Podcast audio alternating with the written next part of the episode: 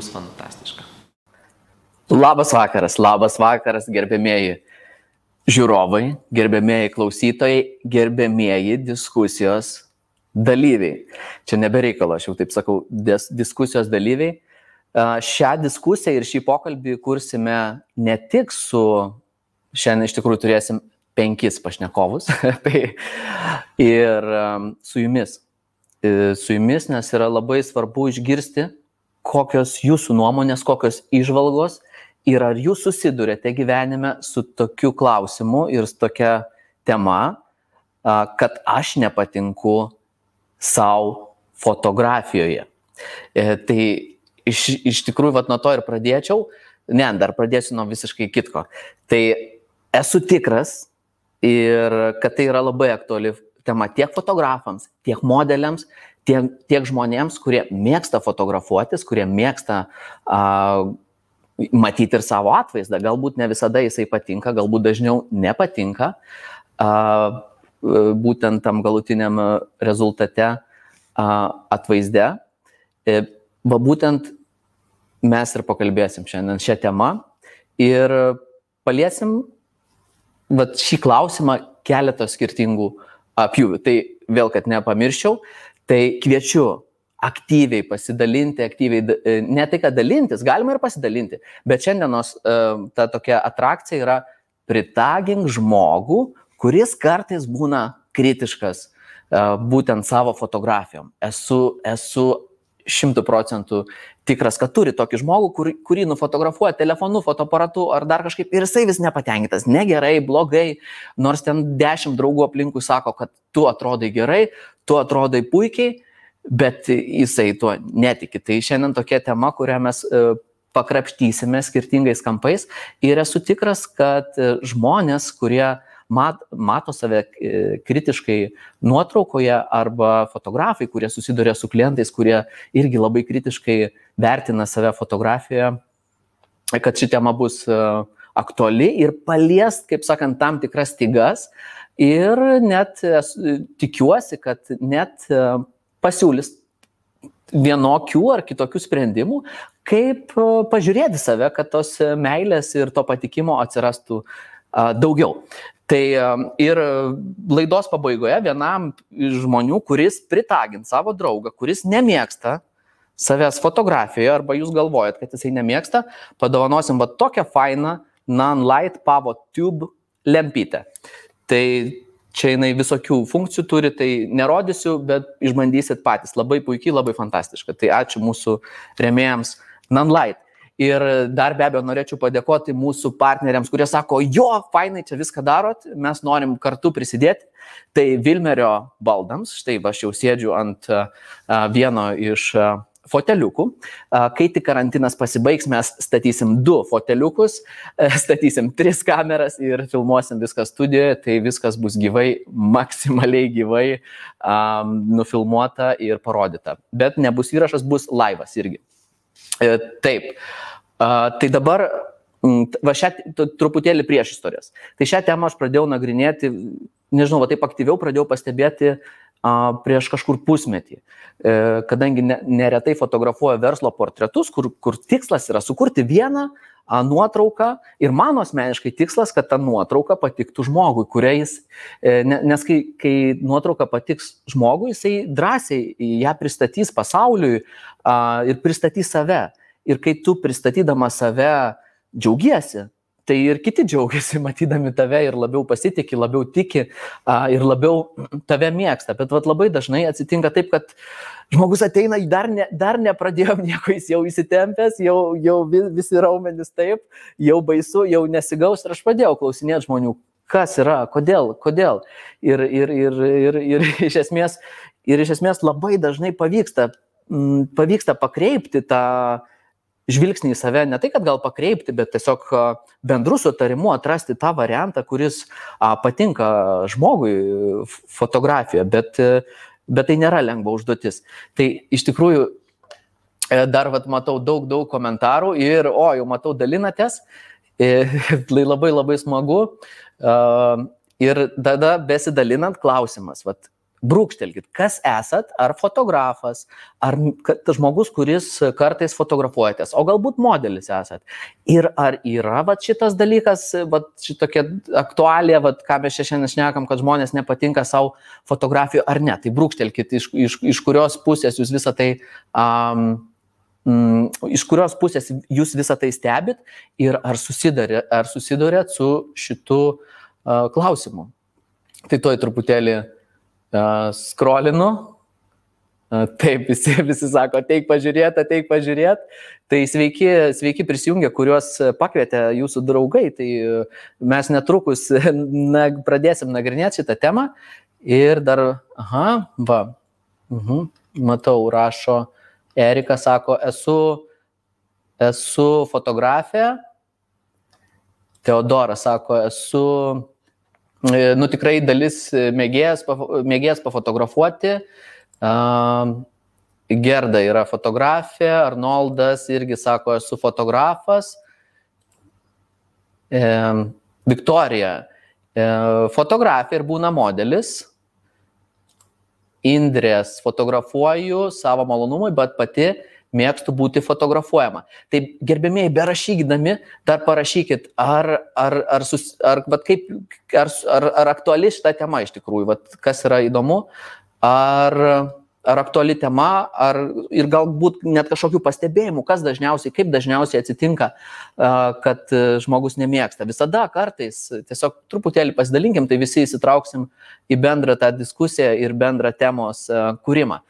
Tai dabar kad neįsiplėsti visomis įmanomomis kryptimis, tai esmė, žmogus, bet ką aš supratau šių, šių, šių mėnesių, paskutinių savaičių metu, kur, kur, kurių metu ak aktyviai domėjausi šią temą, žmogus mato, mat mes save matome m, mm, tam tikrų būdų, įsivaizduojam, kaip mes uh, atrodome.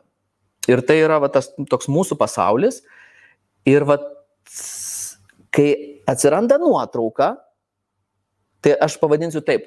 Tai vienas yra mūsų įsivaizdavimas, kaip mes susikūrėm tą vaizdą galvoje ir realybė, fotografija. Ir labai dažnai mūsų susikurtas pasaulis, va tas ta realybė ir, ir, ir tikra realybė, aš tai pavadinsiu tikra realybė, na aš čia pagvildensim iš tą reikalą, jie nesutampa, atsiranda toks gepas, kaip aš vadinu, tarp to, kaip žmogus mato save ir kaip pasaulis mato tą žmogų. Ir tada, kai yra gepas, yra mm, vienaip ar kitaip mm, vienoks ar kitoks nepasitenkinimas.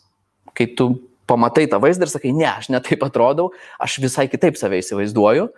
Um, ir kai yra tas vat, nepastenk, nepasten, nepastenkimas, kyla piktis, kyla kažkokie visokiausi, kartais žmonės pradeda save peikti, save kažkaip spausti, save bausti. Ir dar giliau judant į šitos šios temos aktualumą, tada peršasi išvada, kad mes, va tas gepas yra ne tik tai fotografijoje, bet ir santykiuose, kad mes vienaip santykius įsivaizduojam, mūsų antra pusė kitaip įsivaizduoja santykius.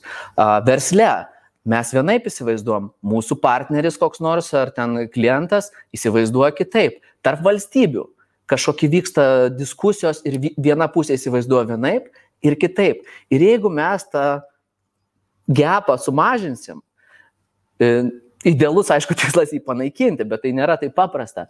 Bet jeigu mes tą gepą sumažinsim, tai vienas dalykas, mes būsim ir laimingesni, bus mažiau konfliktų, mažiau nesutarimų ir, kaip sakant, galbūt, galbūt net jeigu mes tą gepą kertam, kažkokiam priemonėm panaikinam, galbūt pasaulis net būtų geresnis. Tai čia toks visiškai pamastymas į tokią gana net uh, utopinę uh, utopinę temą, bet e, kodėlgi ne.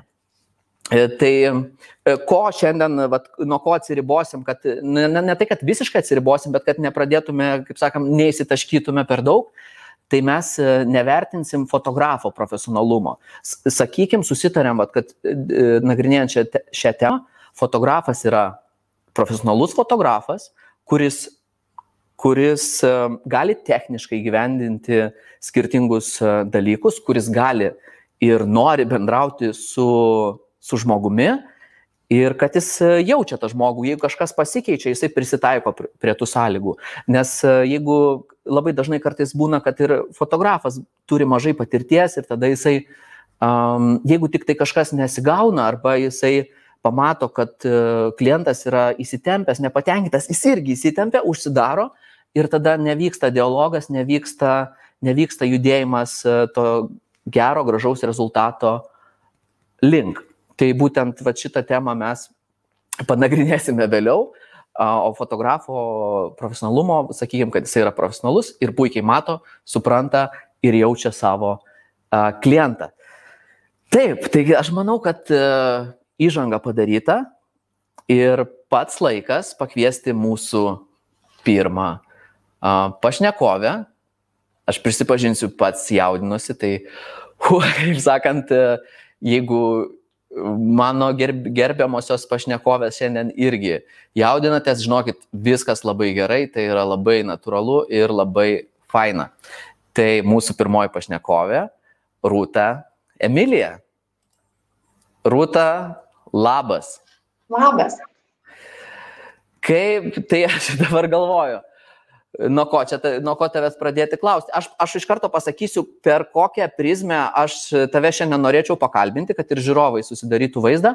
Aš tave pakviečiau kaip žavę merginą, žavę moterį, kuri man yra graži. Man, čia man, man graži, ne? Gal... tai prašom, tai kur, kuri yra graži ir, ir nepaisant to, kad nu, tu pasidalinsi, aišku, kaip kiti mato tave, nepaisant to, kad aš tave matau gražią, galbūt ir aplinka mato tave gražią, tu randi va tokių kabliukų, kur sakai, nu, ne visai, ne visai. Sakai, rūta, ne visai aš čia graži.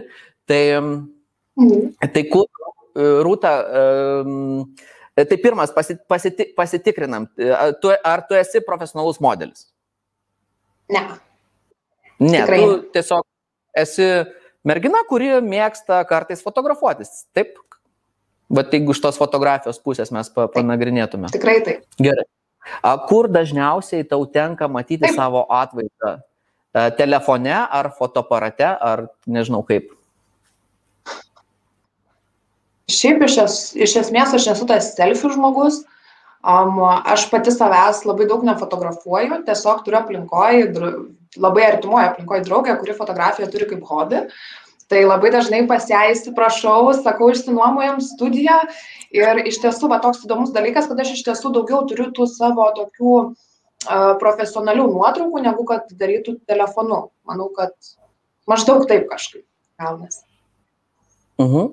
Tai uh, tau, o pavyzdžiui, va, tos um, fot, profesionalios fotosesijos, va, jeigu paimsim profesionalią fotosesiją, tai yra, kuri dalis yra fainiausia, Ar pats procesas, ar ten, nežinau, rezultatas, kur, kur čia tau smagiausia yra?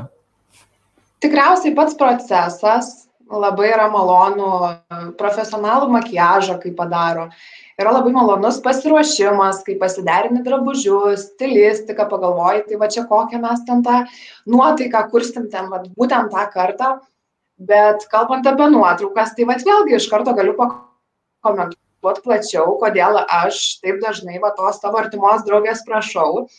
Dėl to, kad jinai, jinai visiškai be problemų man rodo tuos visiškai visus plikus kadrus.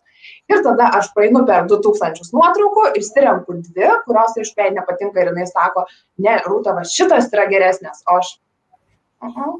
Ir tada aš atsirenku ten vieną kitą nuotraukytę, jinai paredaguoja ir tada jau man patinka ir rezultatas. Ok. E, tai va tas nuotraukas, kur tu atsirenki, e, tau, tu matai, kad kaip jos potencialiai atrodys jau suretušavus, ar jos tau patinka dar nesuretušuotos?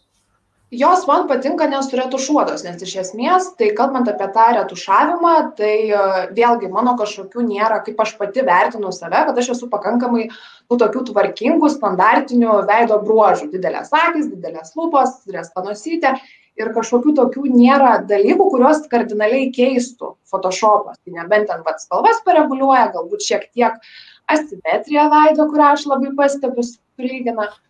Tai man jau jo, man jau tas plikas kadras, jisai man, man jau patinka ir aš matau perspektyvą, kad čia pakoregavus spalvas bus labai gerai. Nu, bent jau gerai. bus, da, bus dar geriau, ne? O, o vat kaip, kaip tu jautiesi žiūrėdama į tas kitas, ten 1980 98 nuotraukas, kurios tau ne visai patinka.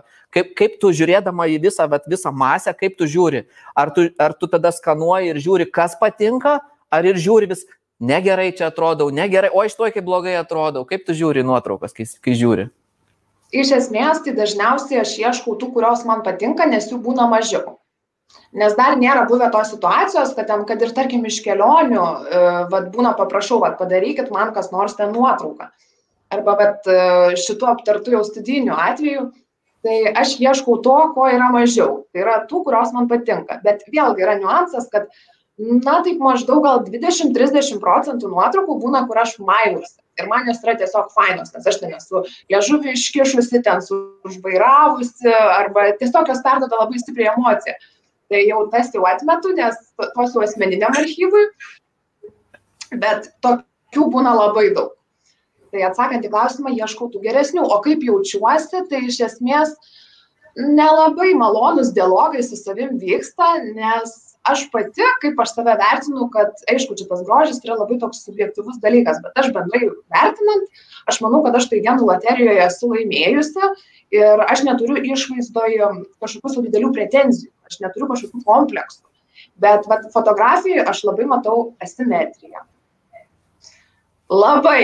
Ir aš, pavyzdžiui, irgi vat, prisipažinsiu, aš negaliu fotografuotis, E, kai arčiau kadro yra mano dešinė veido pusė, nes tiesiog ta akis man yra kažkiek didesnė, niekas to nemato, aš matau. Ir, ir, ir vat, nu, va tai va, kažkaip nekaip jaučiuosi, nes jaučiuosi beprotiškai asimetriška. Nors, nežinau, pati važiuoju į save mažą kamerą ir ne, netrodau labai, bet nuotraukos man. Matosi labai iššūkis. Rūta, tai jeigu visiškai nufotografuotume tavo veidą tiesiai tiesiai, ne, ir be retušo, tai tau nelabai patiktų. Ne. ne. Tikrai ne. Gražiau tada profiliu. Okay. Arba Nes, 45 laipsniais. Žinok, tu čia tokią palėtėjai temą, kad aš irgi daug disku, dis, di, diskutavau su žmonėmis ir irgi dažnai iš, išlyzdavo tokia tema, kad e, asimetriškumas. Ir vat, iš techninės pusės, vat, iš tikrųjų noriu pasidalinti, kad uh, nei vieno žmogaus Žemėje mes nerastume su tobulai simetrišku veidu. Tai vat, čia toks tik tai, vat, taip, kad gamtos yra surėdyta turėti uh, šiek tiek skirtumus. Pas kažką gal būna akis truputėlį viena didesnė, kita mažesnė, kažkur ten kažkas, kažkokie mikro dalykai, pas kažkurios gal būna daugiau. Ir net jeigu va taip padarius e, tokį testą, ir nu, yra padaryta iš tikrųjų tokių tyrimų ir testų, kad jeigu mes su, su, perpjaunam veidą per pusę ir sudedam tas pusės, kad būtų tobula simetrija, tai žmogus labai keistai atrodo kadre. Esu bandžius, beje, žinau. Ir Išbandžiau jau ir šitą taktiką. O tai patiko tau ar nepatiko? Ne, man nepatiko nei dvi dešinės pusės, nei dvi kairės ir nepatiko pilnai. Tai aš netgi ir Instagramo, toks irgi juokas beje, esu įkėlusi nuotrauką į Facebooką irgi, kur yra, aš pasidariau tiesiog su Photoshop, pusę e, savo veido, o pusę gipsinės galvos. Nu ir ten tokį kaip skaičiuką padariau. Labai patinka, kai nuotrauka yra tik pusė veido, gerai, bet, vat, nu kažkaip šitoj vietoj nerandu kompromiso su savimi. Ok. Viena pusė, vienu žodžiu, labiau patinka, kita mažiau. taip. Nu, bet jeigu logiškai taip galvojant, kad kadangi yra skirtumai, tai kodėl mes negalim džiaugtis viena pusė labiau negu kita. Tai gal ir visai logiška, sakyčiau, visas šitas e, dalykas. Ir Šiaip galiu mhm. pastebėti, nežinau, ar profesionalioj fotografijai tai labai būdinga, bet pavyzdžiui, aš aplinkoje labai tą pastebiu ir aš pati pagaunu save labai dažnai, jeigu yra kažkokia, tarkim, grupinė nuotrauka, arba bent jau du žmonės ir vienas iš jų jau aš kadrė, tai aš visą laiką, visą laiką sakau, palauk, mano kita pusė geresnė, pasikeičiam, tarkim. Tai mhm. tu susiduri su tokiu ar ne atveju? Nu, vienai par kitaip, aš prisipažinsiu, kad, kad aš irgi turiu tam tikras pusės, kur man labiau patinka ir natūralu, kad aš tomis pusėmis stengiuosi save reprezentuoti, kad ir, nu, aš taip įsivaizdavimas yra toks, kad jeigu man yra gražu, tai ir kitiem tikriausiai bus gražu. nu, čia tokia mintis, bet tai ne, ne, nu, tai ne faktas, žinai, gal yra atvirkščiai. O dar rasa tada klausimas, kai būna, žinai, tokia grupinė, ten kokia nuotrauka, ten subėga draugai pasidaryti selfie, ne, su telefonu, ir tada visi subėga žiūrėti, kaip gavosi. Ir tada visi žiūri tik į save pirmiausia. Ar su... ir, ir, kad e, mes labai dažnai, būtent kai esam, atsakim, netai paimkim tokią minę, mes visada žiūrim į save. Tai net jeigu mes kažkur toj nuotraukoje netrodom taip tobulai, kaip galėtume atrodyti, kiti žmonės vis tiek žiūri jie labiau į save, žinai, ir į tave netiek kreipia dėmesio, kiek tu pats kreipi. Uh mhm. -huh. O dabar žiūrėk, dar tada vienas klausimukas. Uh, kai, va, tu, pavyzdžiui, tave, fot... okay, su fotografė, va ta, kur dirbat fotografė, ir tu paminėjai faktą, kad uh, tu įsirenki tas nuotraukas, kurios jai nepatinka. Tai kaip jūs čia tą diskusiją kažkokią bandot vystyti, ar tu taip kategoriškai sakai, nepasakok man čia pasakų, aš čia geriausiai atrodau ir viskas? Iš tiesų, kadangi ta mano draugė, jinai yra mėgėja fotografė, nepaisant to, kad jinai iš esmės tikrai, mano manimu, tai būtiškai pasakysiu, labai gerai varo šitoje srityje, tai nėra jos gyvenimo tas kelias, tai jinai turi kaip hobi ir kadangi jinai investuoja savo laiką į tą malonumo gavimą, jinai nesikuria portfolio, jinai nesipromautina, ten, tarkim, Instagram'e neturi akanto fotografijos, netgi, kas man yra keista, bet jinai tai žiūri kaip į labai fainą tokią, net, kaip pasakyti, jinai smagiai praleidžia laiką ir jai yra malonu, kad jinai kažkam iš savo aplinkos gali suteikti tą malonumą, turėti savo patinkančią nuotrauką tai dėl šitos priežasties mes iššūkių neturim. Jinai bando padiskutuot bet nu jinai tų kitų nuotraukų nepanaudoja jų niekas nemato tiktai aš nebent kompiuterį va turiu ir ir ir ir nežiūriu. Tai va, okay. tai su, sueina čia tikslai, nes jinai, vat, kaip sakant, padaro tave laimingą, nes jai tas patinka. O tai va, tu paminėjai veido nesimetriškumą, Kas e, yra dar kažkokių dalykų, kas pas tave, va, taip žiūri į savo portretą ir sakai, ne. Yra, yra vienas toks niuansas. Tai yra nosies kuprelė, kurią matau tik aš. Irgi. Ir net yra labai labai jokingas, dabar prisipažinsiu, labai tikiuosi, kad uh, didžioji dalis mano pažįstamų žmonių nežiūrės šito laivo. Aš tikiuosi, kad... Gal pažiūrėsim, bet iš esmės aš galiu prisipažinti, aš turiu labai labai didelį kompleksą dėl tos kuprelės. Nu, vad, pavyzdžiui, aš sukuosi, nu, Tomai, ir tu matai kuprelę. Pasuk dar. Nu, maždaug. Dar pasuk nu, veidą. Pasuk dar, dar, dar šo, šonu labiau. Ne mažiau, va, va taip. Pala, prisis, prisiartinsiu prie ekrano. Gerai. Dar parodyk. Nu, žinok, nematau. Nu, aš matau. Ir esmė yra tokia. Rūta, aš gerbėmiai klausytojai, brūkštelkit, ar matot Rūtos kuprelę, e, va tą, kur jinai mato, nieks nemato. Gal jūs esate didesni negu, negu, negu aš. Tikrai matau, netgi galėsiu tau atsiųsti nuotrauką, kur jinai matosi. Bet esmė yra tokia, kad ta kuprelė nosies, jinai man matosi tik tam tikrais kampais ir jinai labai minimali bet aš būdama galbūt šešiolikos metų kai aš dar mokiausi mokykloj kai nebuvo jokių feisbūnų ten jokių epsų aš pati būdama paauglė nieko neturėdama bendro su jokiom kompiuterinėm programom aš atsisiunčiau fotošopą ir aš išmokau tą kuprelę nusiimti taip kad ten akių neištampyčiau ten kažkaip tai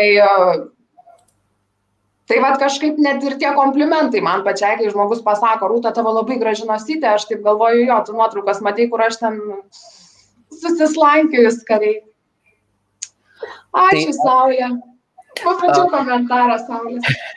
Rūta, žinok, aš jau dešimt čia komentarų paspaudžiau, visi sako, nesimato. Nes nemato. Nesimato, nesimato. Tai va. Nežinau, kaip kupranugario. no hate. Teodoro linkėjimai, saitumėm. Bendrą kalbą jau radom. Čia Gabė sako, tokia graži moteris ir vis tiek uh, savo negraži gali būti. Kaip čia taip gali būti, nesupranta žmonės. Ok, nu tai gerai. Čia šitoje vietoje pakomentuosiu, va būtent fotografijoje. Būtent fotografijoje. Nes kalbam Aha. apie video, kur mes e, kažkaip ir emocijas galim išreikšti ir kažką pasakyti ir savo charizmą galbūt parodyti ir, ir, ir pertikti kažką daugiau iš vidaus negu tai, kas, nu, genų loterija, koks tu gimiai, toks esi arba ką tu ten pasidaręs. Tai, tai vat, būtent fotografija, tai šiaip bendrai aš savo esu graži, bet, nu, jau su nuotraukom, tai, o.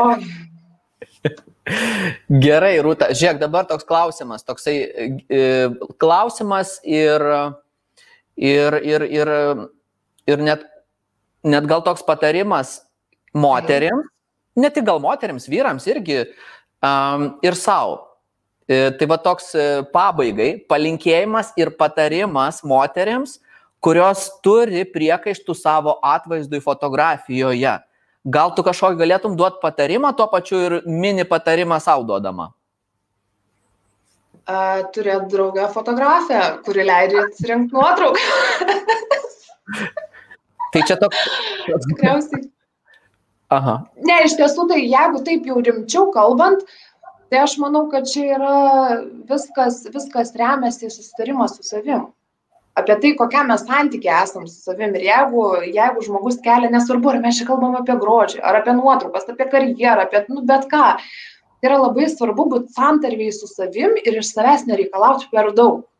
Ir vad kaip ir pats tu minėjai pradžioj, aš esu idealus to variantas, kai aš esu susikūrusi savo, pati net nežinau, kokią iliuziją, kokią aš noriu tose nuotraukose būti. Ir tada gaunasi, kad tu niekada taip ir netitinki. Ir nors iš aplinkos, va, pavyzdžiui, irgi labai dažnai man sako, rūta, wow, kiek tu gražių nuotraukų turi, kokia tu fotogeniška. Ir man tada tiesiog jau atrodo, nu žmogau, ką tu šneki, nu ar tikrai. Bet va, galbūt va čia ir yra niuansai, kad kai tu turi tą paveiksliuką, neaišku kokį, ir kuris neįmanomas realiai išpildyti, tai tu labai ir tada kabiniesi, nors aplinkai galbūt atrodo visai kitaip. Super. A, ačiū. Reikia susitarti su savim. O. Reikia atvirai su savim šnekėtis ir tartis, ne?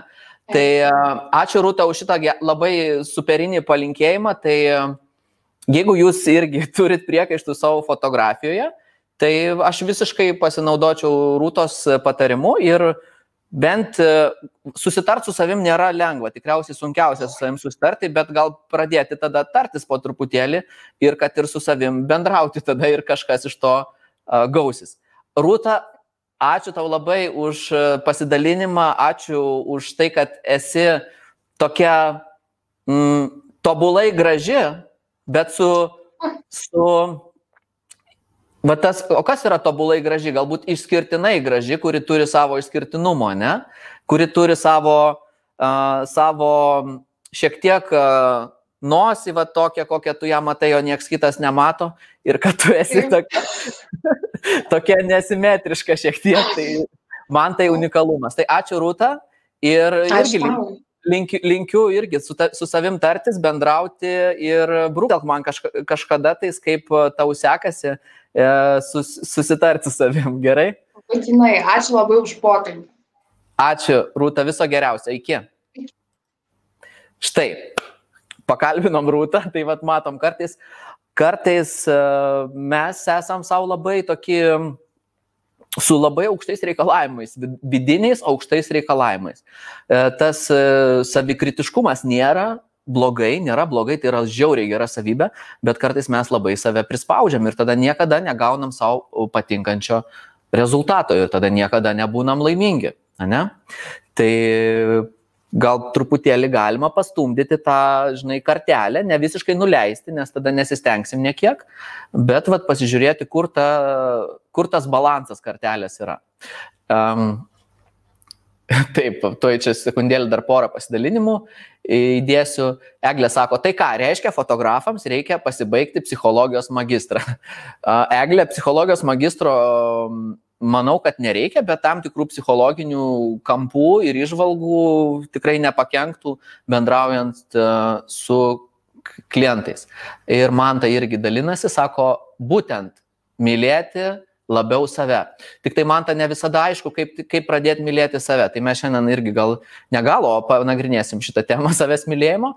Ir aš e, kur, ne, kur nieko nelaukdamas pristatau mūsų antrą pašnekovę, Jėva Skrusdytę. Labas, Jėva. Sveiki. Tai aš šiandien tave pristatau ir kalbinu kaip e, profesionalų modelį. Ir tikiuosi, kad tu pasidalinsi tam tikrom išvalgom, kaip modeliai mato save fotografijoje, nes aš be, be, be klausinėdamas, kamantinėdamas žmonių susidūriau su labai tokiu šiek tiek um, iškreiptų savęs kaip modelio matymo, ypač iš tų žmonių, kurie nėra modeliai. Tai dabar pirmas klausimas tau yra, e, tai kaip tu žiūri ir kaip matai save fotografijoje, bet kai žiūri ne, ne iš modelio pozicijos. Modelio. um, ok, tai um, šiaip dažniausiai nemėgstu savęs fotografijose. O, jo, tame, uh -huh. yra kažkokia bet uh, nėra taip, kad labai nemėgčiau. Anksčiau jaučiu nemėgdavau gerokai dažniau negu dabar. Dabar gal mhm. net mažiau fotografuojasi pati. Um, bet dabar tiek daug to nesureikšminu. Ok. O tai, o jeigu galima šiek tiek patvirauti, kas, kas tau pas, save, pas tave nepatinka?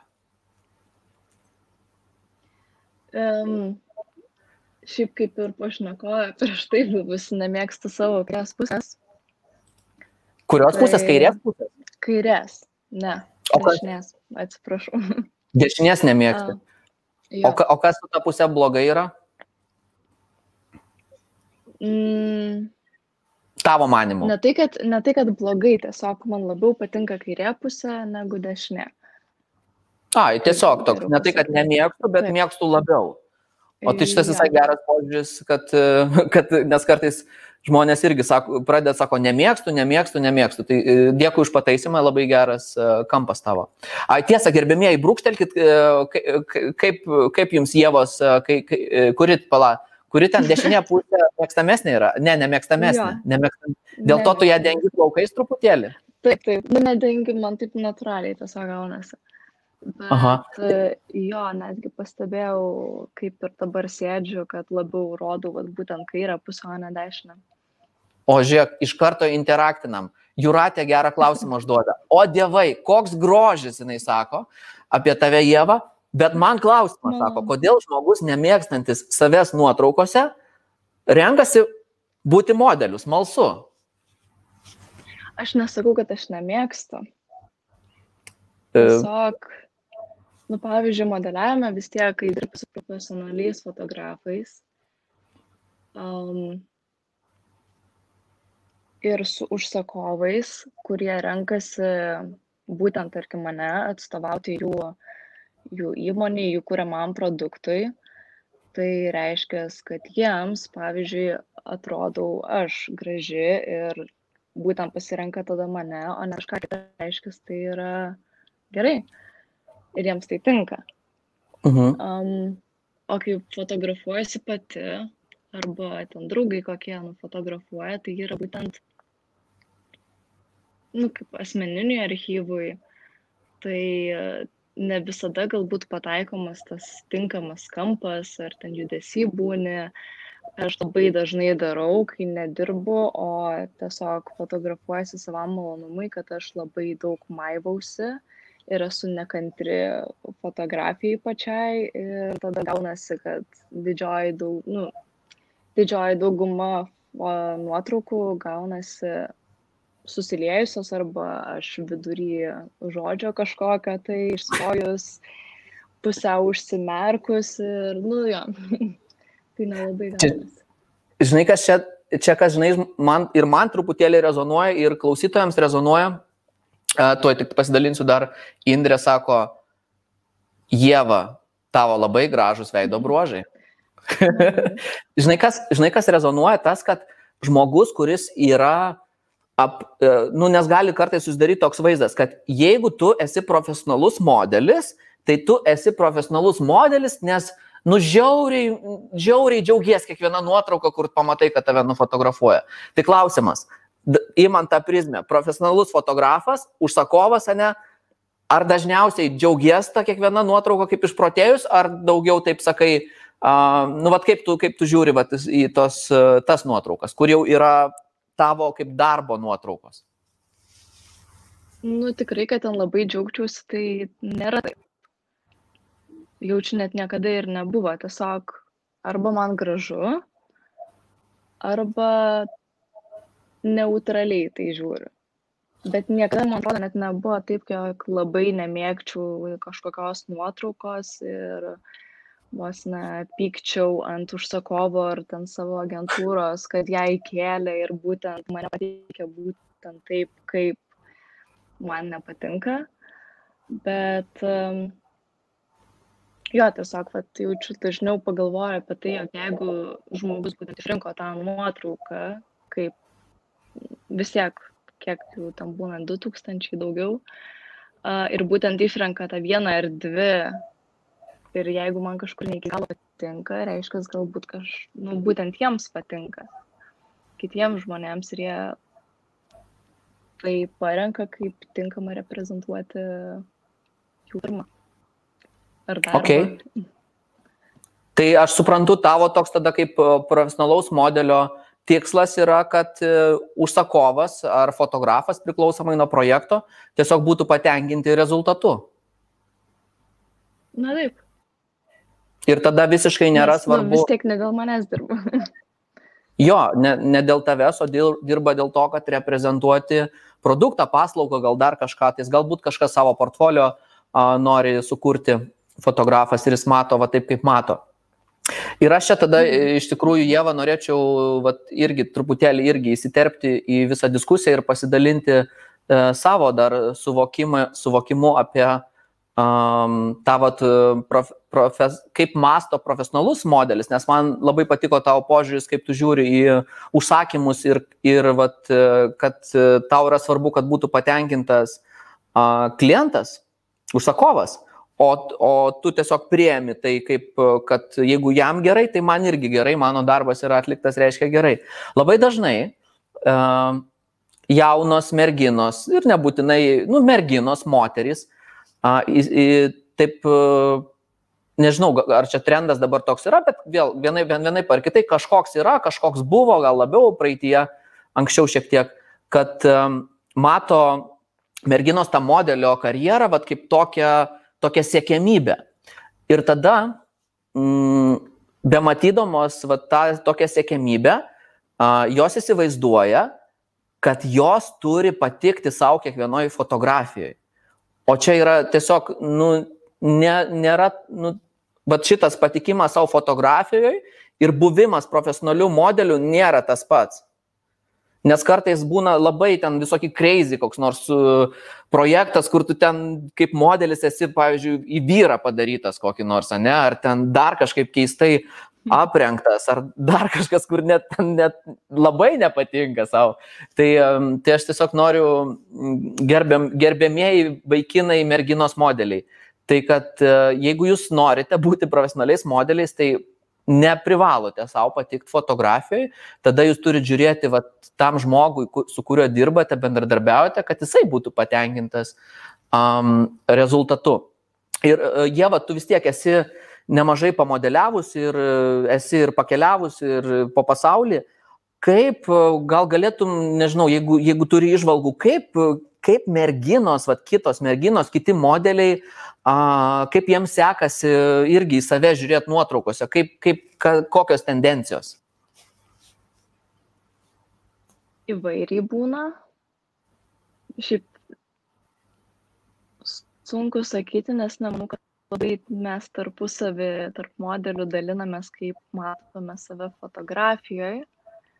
Žinoma, būna visokių pasidalinimų, kaip ypač užsienyje, kaip ten per kokią fotosesiją juos buvo aprengę ir kaip tai visiškai nesąmonė ir kaip niekas taip nesirengtų um, tiesiog kiekvieną dieną, bet tuomet po poros savaičių ar po kokio mėnesio uh, būna paviešintos nuotraukos ir tikrai atrodo labai gerai, netgi, nu, sakykime, su šliu maišu vietoj, vietoj maikutės, bet, nu, čia aišku priklauso tada nuo fotografo, kaip vis vyksta.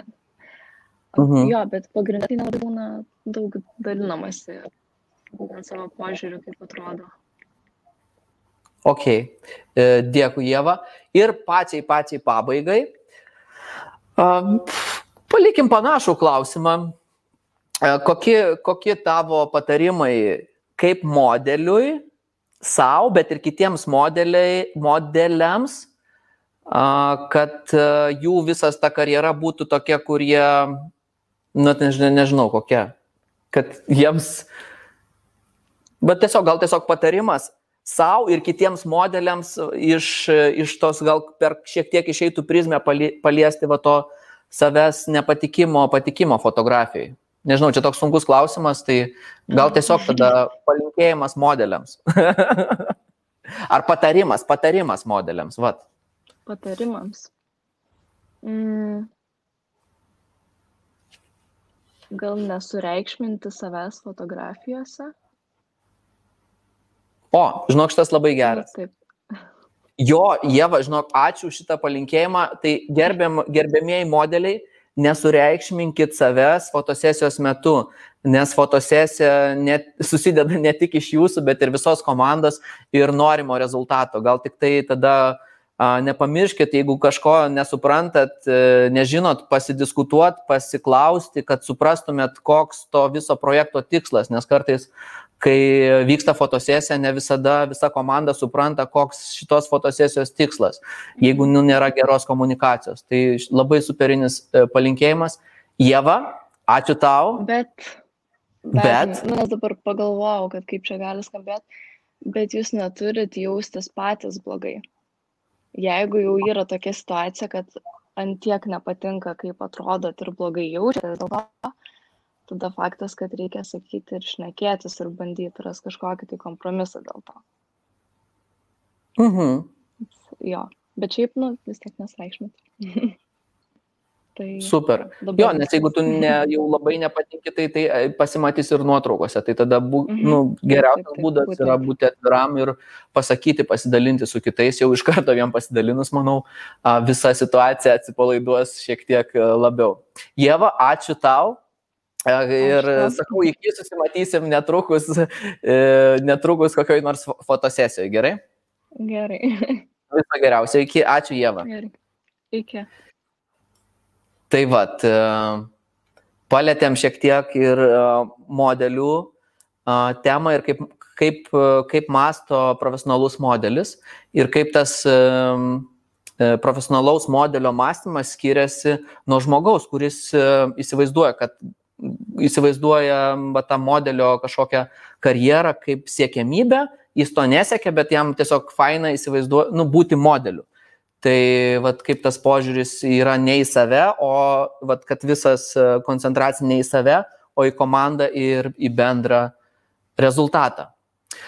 Na ką, mūsų, mūsų diskusija čia įsivažiavo ir, ir mes, e, aš noriu pakviesti mūsų trečiąją pašnekovę, pašnekovę Rasą Jusonytę. Tam, dam, dam, dam, 3, 2, 1. Pristatau. Labas. Labas. Labas. Aš tik norėjau pasakyti Tomai, wow, nu tavo setupas, tai aš dabar visas laidas noriu, va, va taip filmuoti tą foteliuką, kur tu sėdi. A ne? Super gerai atrodo. Taip. A, jeigu reiks konsultacijų, tai aš drąsiai gali pas mane kreiptis. Nu, susišvietęs viską, nu, labai gerai. Nu, mes turim va, tuos e, gražius e, geras lempytės, nanlaitus, tai čia viskas sušviečia labai nais. Nice. Tai, nu. taip sakant, E, negai, negaila ir pareklamuoti. tai ačiū. Taip, taip, bet tai reikia pagirti. O dabar gerai, žinau, kad turim 25 minutės, tai gera tema, galim varyti. Tai Pau. Drąsiai, Rasa, prisistatyk save, kuo, tu šią akimirką gyvenime užsiemi ir kas, kas tave veža. Aš turiu dvi rolės. Aš turiu vieną seną ir aš turiu vieną naują. Tai mano nauja rolė, tai kad aš kūriau internetinių kursų platformą, ką darai darai gerai.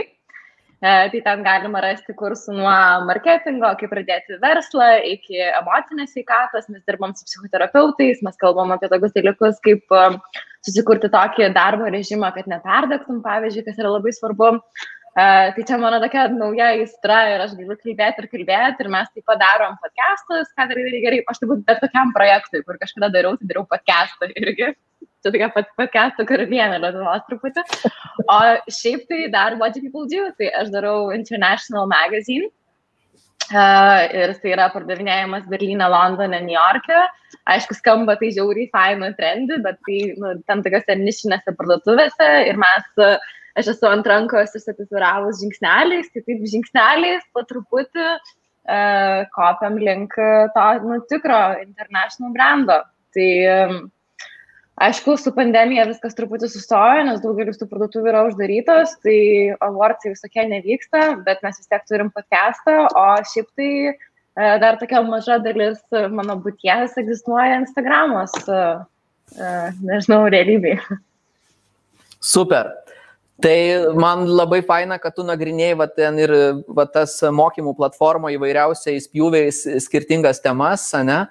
Tai mes čia dabar ši, panagrinėsim šitą temą dviese.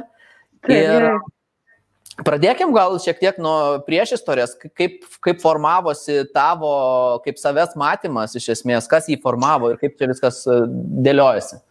Nu, aš šiaip visą gyvenimą galvojau, kaip gražiau pasakyti, bet aš paauglystai savęs nekenčiau. Aš nekenčiau kiekvieno aspekto apie save. Aš 16-17 metų išėjusi iš dušo, atsistojus prie veidrodį, tiesiog matydavau blogiausią įmanomą moters scenarijų. Ir verkdavau, ir dietų laikydavausi, ir uh, E, e, turėjau valgymo sutrikimų, ten truputį vėliau, nes aš tikrai labai labai labai stipriai nemylėjau savo kūno.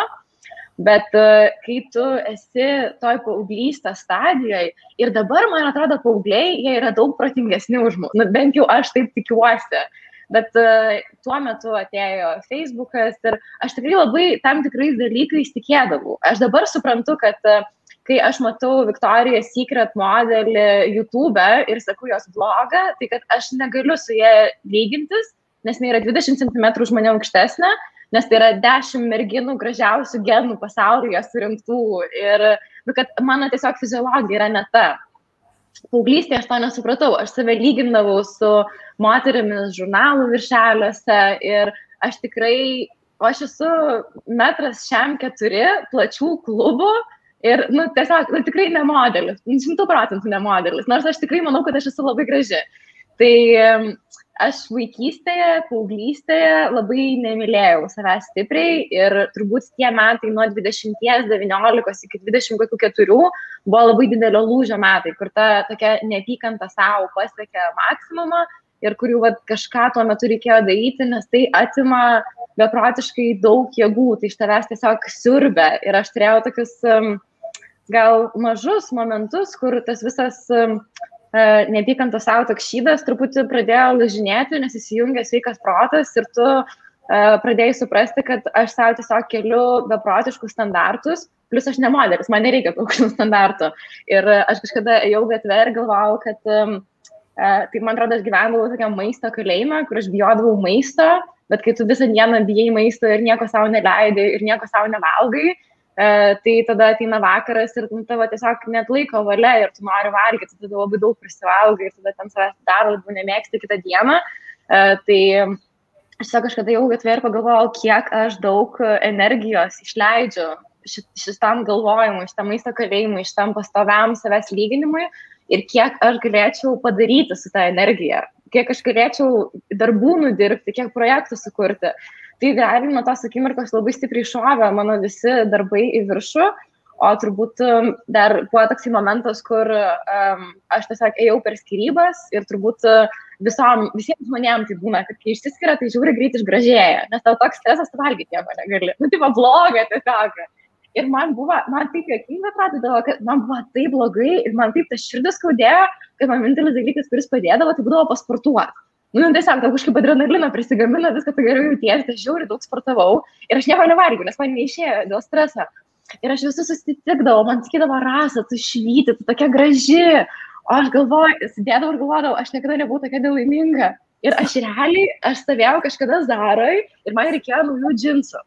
Ir aš pasiėmiau 38 dydžio džinsus, man per dideli, 36, per dideli, pasiėmiau 34. Ir aš tą e, Gedimino Zarui, kurią visą laiką einu, užsidėjau tą 34 dydžio džinsus, nuo 13 metų iš juos neįlindau, per tą savo visą didžiulį stresą įlendu iš tas džinsus ir galvoju, kad aš turėčiau būti tokia laiminga, man turėtų būti taip gera. O man tai bloga, aš apsivengaliu iš to blogumo. Atiduokit man tos 10-15 kg, kad aš taip nebesijaučiu. Tai man atrodo, taip greit pasidarė, tipo, kaip aš atrodau ir man labai norėjosi, kad man tikrai viduj būtų gerai. Aš tada pradėjau tokį kopimo darbą ir turbūt e, kiekvienai moteriai yra labai supru, supra, svarbu, bet ir kiekvienam vyrui taip pat suprasti, kad jūsų savivertė nėra pastatyta ant to, kaip jūs atrodot. Už tai jūs nemylės, o jeigu jūs susirasit tokį bičią, kuris jūs mylės už tai, kad jūs gražiai atrodot, tai paklauskite savęs, ar jūs norit būti santykiuose. Nes man atrodo, kad ne. Uh, tai, tai, va, tai, tai šitas dalykas buvo labai geras, aš tau neleidžiu įsiterpti, bet aš žinau, kad mes turime nemažai, e, nedaug laiko, tai aš dar vieną papasakosiu. Rasa, viskas gerai, žinok, neskubėk, pratesim ir iki 30 minučių, jokių problemų, yra įdomu. Gerai. Aš dar tiesiog vieną apie išvaizdą ir kūną galiu papasakot, kur mes, kai vaikštom, o atsiprašau, savo telefonus pasiemę rankose ir matom žurnalus, reklamas, viską, mes matom žiauriai gražius kūnus. Nes šiaip, sorry, jeigu aš turėčiau ten beprotiškai flawless, žiauri gražų kūną, tai aš jį irgi visur rodyčiau. Nes čia faina, nes, nu, tipo, šiaip mažai kas turi gerą kūną, tai jėga parodyt. Bet uh, aš pradėjau, kai lankyti sporto klubą, tai tu būni moterų persirengimo kambariuose. Ir ypatingai, jeigu eini per piko valandas, bent pilna moterų yra ir nei vieno, dabar prasme, visos linijuotos, pas visas celiulita yra, tai pas trijų visko, ir jos tokios gražios, jos tokios unikalios visos, bet jos visas taip pavaikšto ir taip biškai pasižiūri visi veidrodį, kai mato, kad mano, kad kas nors nemato, žinai, ar gerai atrodo. Ir visas pergyvena. Ir man tai norėdavo sakyti, kad, nu, tipo, revoliucija, nu, turi daiti, kad mes, va, taip atrodo moters kūnas. Tai um, man gal tokių, va, um, daug nu, nusipratimų tokių buvo, kai aš tiesiog pradėjau žvalgytis į tą tikrą gyvenimą, o ne į tą um, Instagramo nuotrauką uh, įdėtą. Mhm. E, tai žiūrėk, iš karto Greta sako, rasa, nuostabi tu. Ačiū, Greta, tu irgi. Ir siunčia širdelę. Tai aš dabar truputėlį irgi įsiterpsiu tada. tai Aš du dalykus noriu, noriu vat, pastebėti. Vieną, tai aš pasidalinsiu a, savo tokia trumpa diskusija su viena mergina, kuri man parašė asmeniškai ir mes su ja truputėlį padiskutavom. Tai tiesiog, a, o jau kai, kai su, aš su ko nors diskutuoju, aš tai būna, kad biški spusteliu, vat, pasižiūriu, kaip žmogus sureaguos. Nu, neblogai ten kažkokia prasme, neižeisdamas, bet tiesiog vat, tai pažiūrėt, ko, kur, kur veda mąstymas, tas ir kur logika galiausiai nuveda. Tai aš gal iš tikrųjų pradžioje ir pasidalinsiu, to čia pasiskrolinu. Tai manau, ga, gali būti įdomu, aktualu daugeliu merginų, kurios a, nori pagražėti dėl kažko tais. Nu, va, dėl, pavyzdžiui, būsiu, ten kažką pasidarysiu, ne, ten lūpas pasi, pa, papūsiu truputėlį, tai tada labiau patiksiu gal ir savo antrai pusiai. Ir e, mes diskutavom su viena mergina, vardo neatskleisiu, tiesiog mm, tai aš taip gana drastiškai paklausiau, tai dažniausiai aš taip neklausiu, bet pasidalinsiu. Ir sakau, nežinau, ar turi draugą, bet sakykime, yra draugas ar vyras ir jisai sako, tavo lūpos yra nerealios. Jei pasiputlinsi, e, tai palieku tave. Ir aš klausiu, ką tu tada darytum va, su tuo draugu ir toj situacijai. Nu, čia toks drastiškas mano klausimas. Um, mano pašnekovė sako, žinoma, kad palikčiau tą vaikiną, jis nesupranta manęs ir kad nuo to aš jausiuos geriau. Nu, žmonės turi palaikyti vienas kitą, o jei čia dėl tokių smulkmenų statyti kažkokius ultimatumus, tai nežinau. Ir tada mano komentaras buvo, va, iš šitą atsakymą, um, čia toks irgi, jisai gana kategoriškas, bet tiesiog aš tai sakau, jeigu čia yra smulkmena, tuomet gal gal, gal nereikia nieko keisti, jeigu, nu, jeigu čia smulkmena ir tas vaikinas dėl tokių smulkmenų pyksta. O kitas pastebėjimas buvo, jei vaikinui, e, o jei vaikinui tobulai patinka tavo išvaizda, argi čia ne maksimalus palaikymas. Tai, e, tai va toksai, tokia diskusija, kur mes kartais e, norim keistis ir atrodo, kad kitas žmogus mūsų nepalaiko dėl to, kad mes norim uh, nu, pasikeisti, turiu meni pasiturbinti ten kažkaip tais. Bet galbūt tas žmogus, kuris jisai sako, sako, ten nežinau, mano meilė, sako, tu ir taip nuostabiai atrodai, tau nieko nereikia. Tai, nu, va, toks tiesiog pamastymui klausimas. Ir tada grįžtų prie, prie tavęs rasą. Tai ten buvo visiškai toks momentas, kur nesuėjo loginiai galai, ne? Tu, tu pasiekiai to, tobulas linijas, kur aplinka sakė, wow, tu fantastiška ir buvai maksimaliam nelaimingumo lygiai, ne? Ir tada toks šitas, toks tie veidrodžiai. Disonantas toks, žinai, viskai. Kad atrodo, žinai, mes dažnai gyvenime galvojam, kad jeigu mes pasieksim vieną ar kitą milestone, nu, vat, kad kažkur jau atvyksim, nu, jau kai būsiu kūda, tai tu mane tada jau tikrai labai mylės, aš tada būsiu labai laiminga. Bet, nu, ką aš žinau, nu, taip nebuvo. Bet man gal dar buvo kitas momentas, kur aš dar skaičiau tokią Sarah Pascoy, jinai yra britų komikė, nuostabi moteris ir jinai parašė knygą Animal, Autobiography of a Female Body. Tai nu, nu, nėra išversta ta knyga, bet kas angliškai skaito, gal bus įdomu. Ten yra vienas skyrius, kur jinai rašo apie riebalus aplink moters pilvą ir šlaunis. Ir na, iš tikrųjų moterim yra sunkiau numesti tą dalį. Ir nu, tikrai moterų, uh, kaip čia gražiau, šiknytė yra nu, pilnesnė dažniausiai truputį. Ir jinai, vat, aš šitą dalyką dar kaip perskaičiu, čia irgi buvo maždaug tuo Zaros 34 džinsų dydžio metu, Tai kad e, šitas visas riebaliukas, kuris mums kaupėsi, tai mūsų kūnas daro namų darbus. Visas maistas, kurį mes valgom, tai tas omega 3 ir omega 6 nusėda aplink mūsų klubulus Ir kai mes žindysim, jeigu mes norėsim tapti mama, tai yra puikus momentas ją netapti ir geras sprendimas, jeigu to norisi, neturi būti kažkokio pressure, bet jeigu mes norėsim turėti vaikų, tai tame piene bus visas riebaliukas ir jisai padės aukti kūdikio smegenim ir mūsų kūnas yra taip tobulai sutvertas. Ta prasme, tai yra tokia nuostabi gamtos harmonija, tai aš nuo to laiko labai pradėjau mėgti tą, žinai, rinkę truputį paklubus ir ten ją paglostyti kartais ten dar kažką.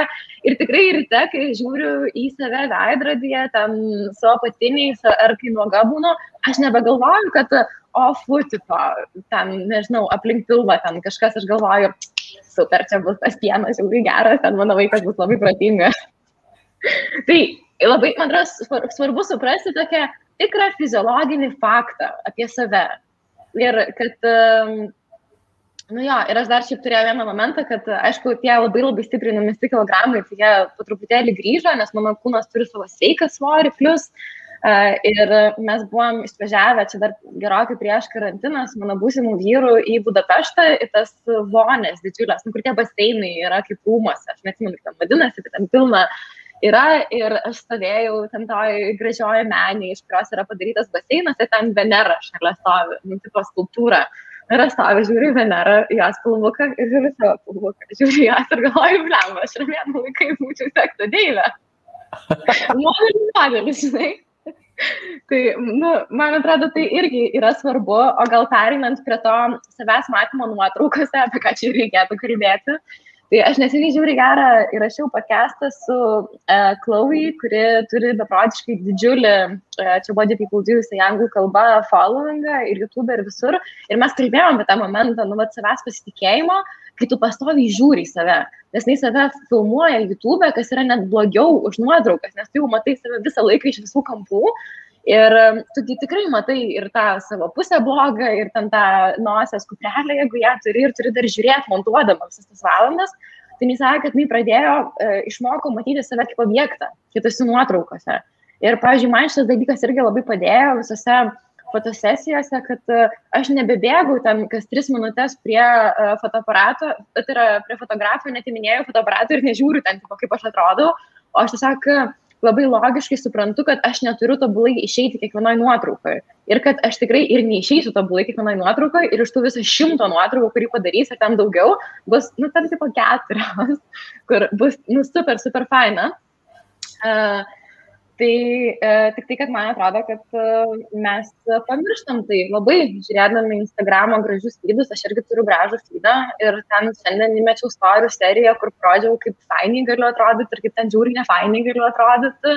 E, ir, bet tuo pačiu, kad ir ką pasakytum internete, visą laiką ką nors gali įžeisti. Tai aš, pavyzdžiui, įmečiau kelias nuotraukas tiesiog parodymui, kad kai mano vyras fotografas mane fotografuoja, tai mano kojos atrodo žiauriai ilgas ir žiauriai kūdas. Bet kai mane kas nors šiaip nufotografuoja, tai po draugę baseine, tai mano kojas atrodo kaip pieniškas dešrelės, tokios sardelės. Nu, tai pažinai. tarokas tokas. Ir kad um, yra merginų, kurios, kai aš kalbu apie visą šitą savęs prieimimą ir kad man tikrai visiškai nebeskauda į save žiūrėti ir save filmuoti ant makiažo, užtinusi ir tik tai atsikėlusi ir aš tikrai vad galiu, tai aš šiandien gavau labai gerą komentarą ir aš šimtų procentų tam pritariu, kad aš neturiu aknas, aš turiu gražią odą, mano yra sveiki plaukai, aš esu visiškai sveiko kūno indekso, tiesiog, kad medijos yra žiauriai iškreipusios moterų žvilgsnį į save ir dėl to man, būnant visiškai normalių formų, atrodo, kad su manim kažkas yra negerai. Tai tom merginom, kurios uh, netitinka to vieno vienintelio standarto, kurį yra nubrėžusi medija, yra labai sunku.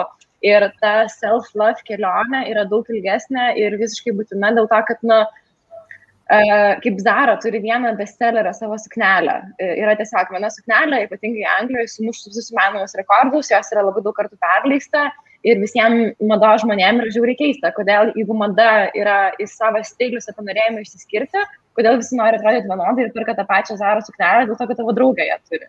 Nutipo. Tai man atrodo, kad e, ir su grožio standartu yra taip. Gal jau biškai nusibodo tas vienas grožio standartas, bet labai sunku yra iš tikrųjų to patikėti, kaip yra pačiam tau. E, Rasa, ten vieną, aš tokį vieną pastikslinsiu, kur tu pasakoji apie savo pašnekovę. Tu sakai, kad jinai išmoko save matyti kaip objektą. Gal gali trumpai paaiškinti, kas čia, kaip, kas, kas čia per matymas?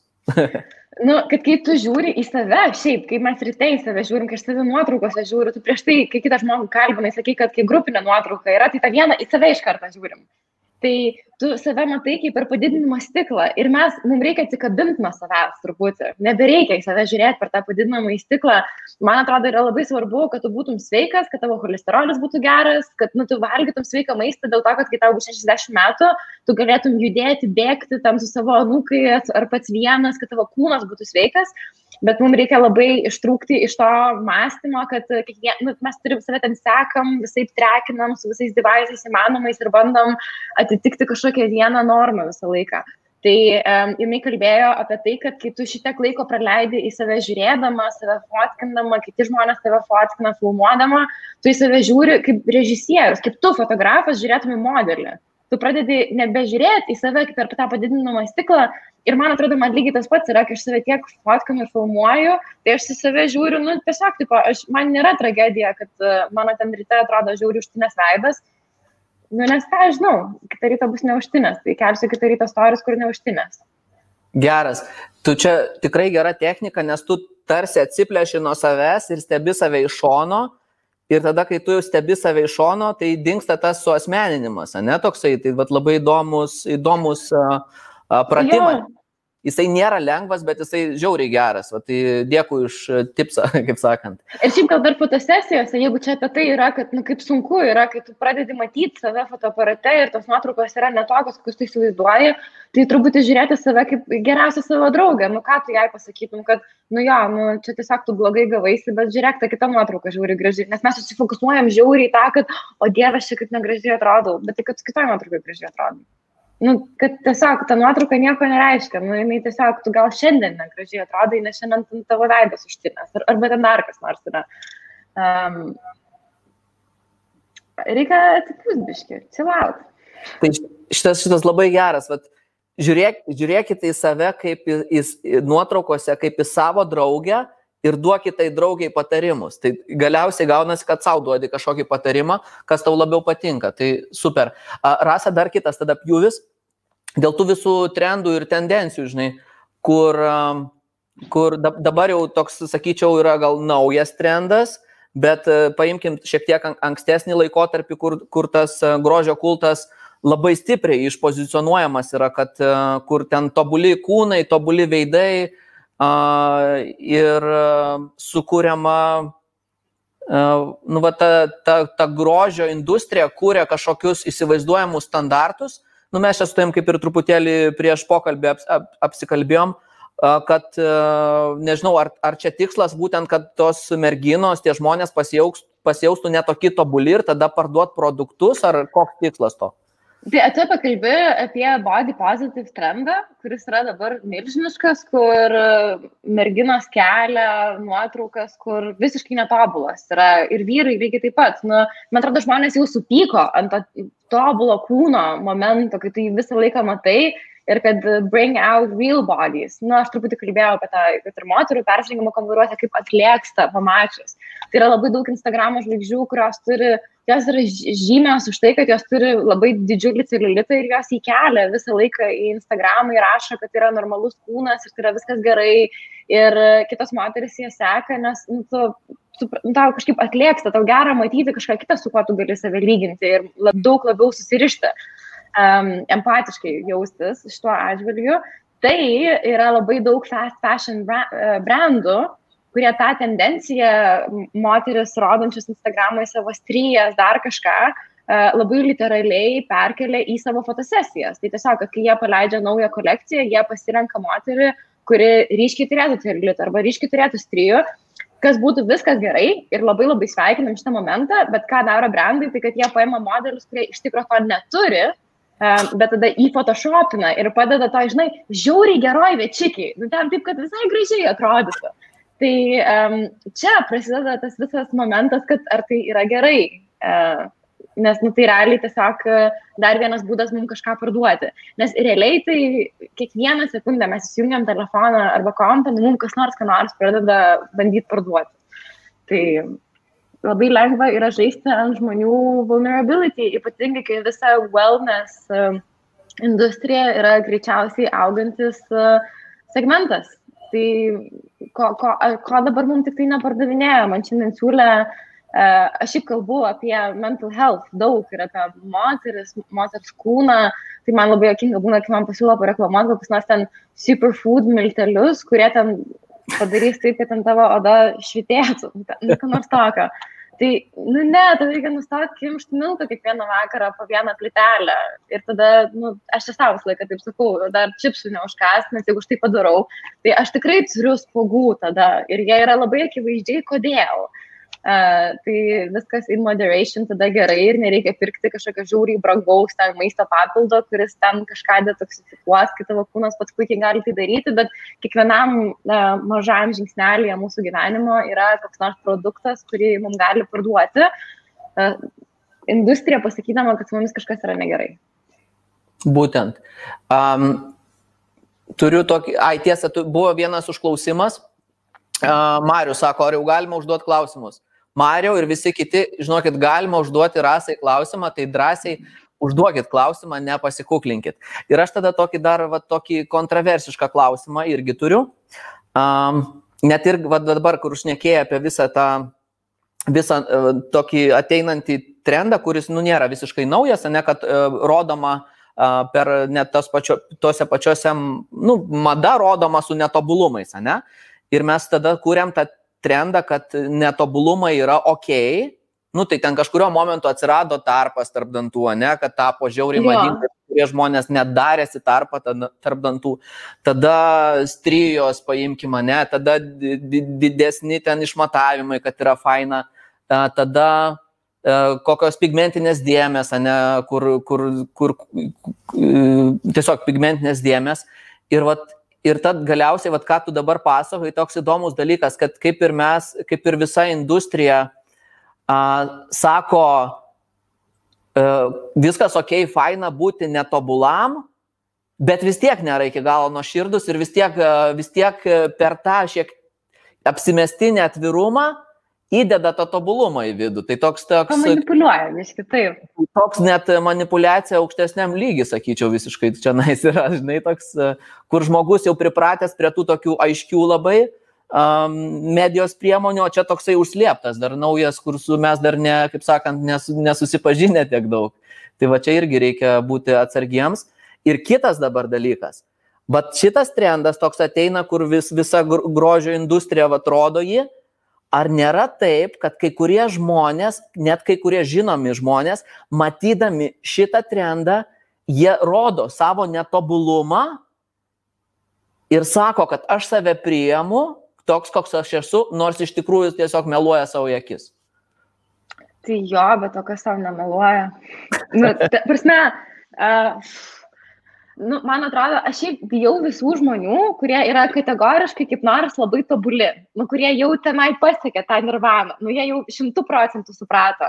Nu, pavyzdžiui, aš e, labai daug terapijai dirbau su tam momentu, kad e, man nebebūtų taip šitaip labai beprotiškai svarbu, ką kiti apie mane galvoja. Nes e, aš anksčiau, pavyzdžiui, labai norėjau būti žurnalų viršeliuose, intervuose ir visur kur, dėl to, kad e, žmonės matytų ir galvotų, kad jinai tikrai būtų verta būti mūsų draugė, jinai tada tikrai yra verta meilės. Čia mano galvoje taip veikia šitie aparatai. Man tiesiog atrodė, kad kuo daugiau žmonių mane pripažins, tuo aš būsiu vertesnė tos meilės. Niekada nepagalvodama, kad tai, kokia aš esu, man pirmą su savim reikia dialogą sukurti ir tada su jais visais kurti. Tai tai yra didžiulė kelionė, aš esu pasistumėjusi šviesmečiais, tiesiog man tikrai daug, daug mažiau rūpia, Nu, bet yra momentų, kur aš noriu atrodyti graži. Tai nereiškia, kad aš nebenoriu būti graži, bet tiesiog, kad um, um, labai stipriai pasikeitė, kad mano visa savivertė nėra pastatyta ant to, ką kas nors apie mane pasakys, ką kažkas pagalvos, kad aš galiu priimti sprendimus, kurie man yra faina, man yra gera, nes aš jų noriu, o ne ką kažkas apie tai pagalvos. Ar kažkas, ir svarbiausia, kad tas kažkas, man terapeutė labai gerai sako, kas tas kažkas. Ir atrodo, kad ir aplink tave visą laiką, va čia būtų kažkur nematoma taryba, neaišku, kas joje yra, bet jie tave visą laiką teisė. Ir garsiai, tai yra tavo didžiulis vidinis kritikas. Tai man atrodo, su vidiniu kritiku taip, kad e, mes turim vidinį kritiką, e, čia Dainius Jekučionis, šiaip kursė apie tai pasakoja, apie neperdegimą. Ir yra vidinis palaikytojas. Tai mes tą vaidinį palaikytoją nukišam kažkur žiauriai toli, tipo, ai, tu nesvarbus, tipo, nekalbėk. Ir leidžiam baupti savo vidiniam kritikui. Tai um, mano kelionė buvo abiem, kad jie galėtų truputį daugiau diskutuoti tarpusavyje. Uh, ir, ta, ir savivertė ir savęs prieimimas uh, tikrai labai išauktų. Bet kad aš sakyčiau šimtų procentų, kad, tipo, I'm there, tai, tai ne. O kad žmonės žymus pasiema tos trendus, tai o kaip su depresija yra? Kažkaip vienu metu visi susirgo depresiją, ne? Visi, aš ne aš visi. Tai, va, tik tai duokit, tik tai žmonių žurnalę, tą kvadračiuką man duokit, aš jums papasakosiu viską. Tai, nu, jokinga yra. Tai aišku, kad tikrai kažkas pigibekina šituo momentu, uh, bet man atrodo, kad žmonės nekvaili ir uh, labai, labai ryškiai matosi, kas biški čia pasisako, o kas, o kas tikrai turi ką apie tai papasakoti. Mhm. Aš tavęs klausausi ir, ir man ta mintis buvo atėjus anksčiau, bet prisiminiau, va tau be pasakant visą tą tokią struktūrą, tai pasidalinsiu. Kad mes, va, kaip tu pasakoji, aš, aš stengiuosi būti tobula, kad gaučiau aplinkos meilę ir tada, kad tada save pradėčiau mylėti. Taip. Nu, Ir va čia tas kelias, labai dažnai mes ieškom šito kelio ir jisai, nu, neveda niekur dažniausiai, bet tave atvedė į tą akistatą, kur tu supratai, kad neveda, ne? O iš esmės tas, tas, nu, bent jau dabar pagal dabartinį mąstymą ir šioje akimirkoje, tai aš mastau, kad pirmas dalykas, mes mylim save, pradedam mylėti save, ne? Tai nereiškia, kad priemam save belenkokį ten kokį nors nesipraususi savaitę. Nu, tai nereiškia tai, ne? kad mylim save ir iš tos meilės savo mes tada darom, kas mums yra faina ir smagu. Ir tada visiškai kitoks, kitoks rezultatas gimsta. Visiškai kitaip, e, kitaip energija, žinai, keliauja ir, ir, ir, ir visiškai rezultatai skiriasi. Iš tikrųjų, vat, rasa, vat kai tu, pas tave įvyko šitą akistaitą ir tu pradėjai keisti, ne? Kai pradėjai analizuoti visą tą dalyką, kaip, kaip tavo projektai ir visi kiti dalykai, kuriuos tu iš tikrųjų nori daryti, kaip su jais atsitiko? Ar jie paaugo? Šarai viršų viskas. Ta, nu, ta prasme, beprotiškai. Tai, uh, žinai, aš net pridėsiu pirmą, tai apie tas save priėmė, bet vis tiek tam prausiesi ir taip toliau.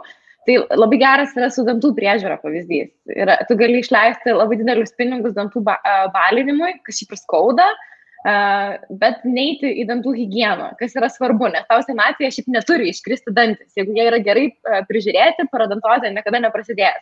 Bet žmonės, tai niekas nemato, kas yra tavo tarpudančiuose, kad nu, čia dabar biškai toks graus tipo tema. Bet, bet dantų išsibalint tai eina. Nu, tai, arba ten dantų siūlų nevalo, bet ten balinančią dantų pastą perka. Tai man atrodo, apie tai yra meilė savo, kad tu išleisi pinigus ne ten, nežinau, kažkaip prabangiai sukneliai, bet tu nueisi pas gydytoją pasitikrinti. Nu, ta, tos tikresnės daug vertybės, nors niekas to niekada nematys.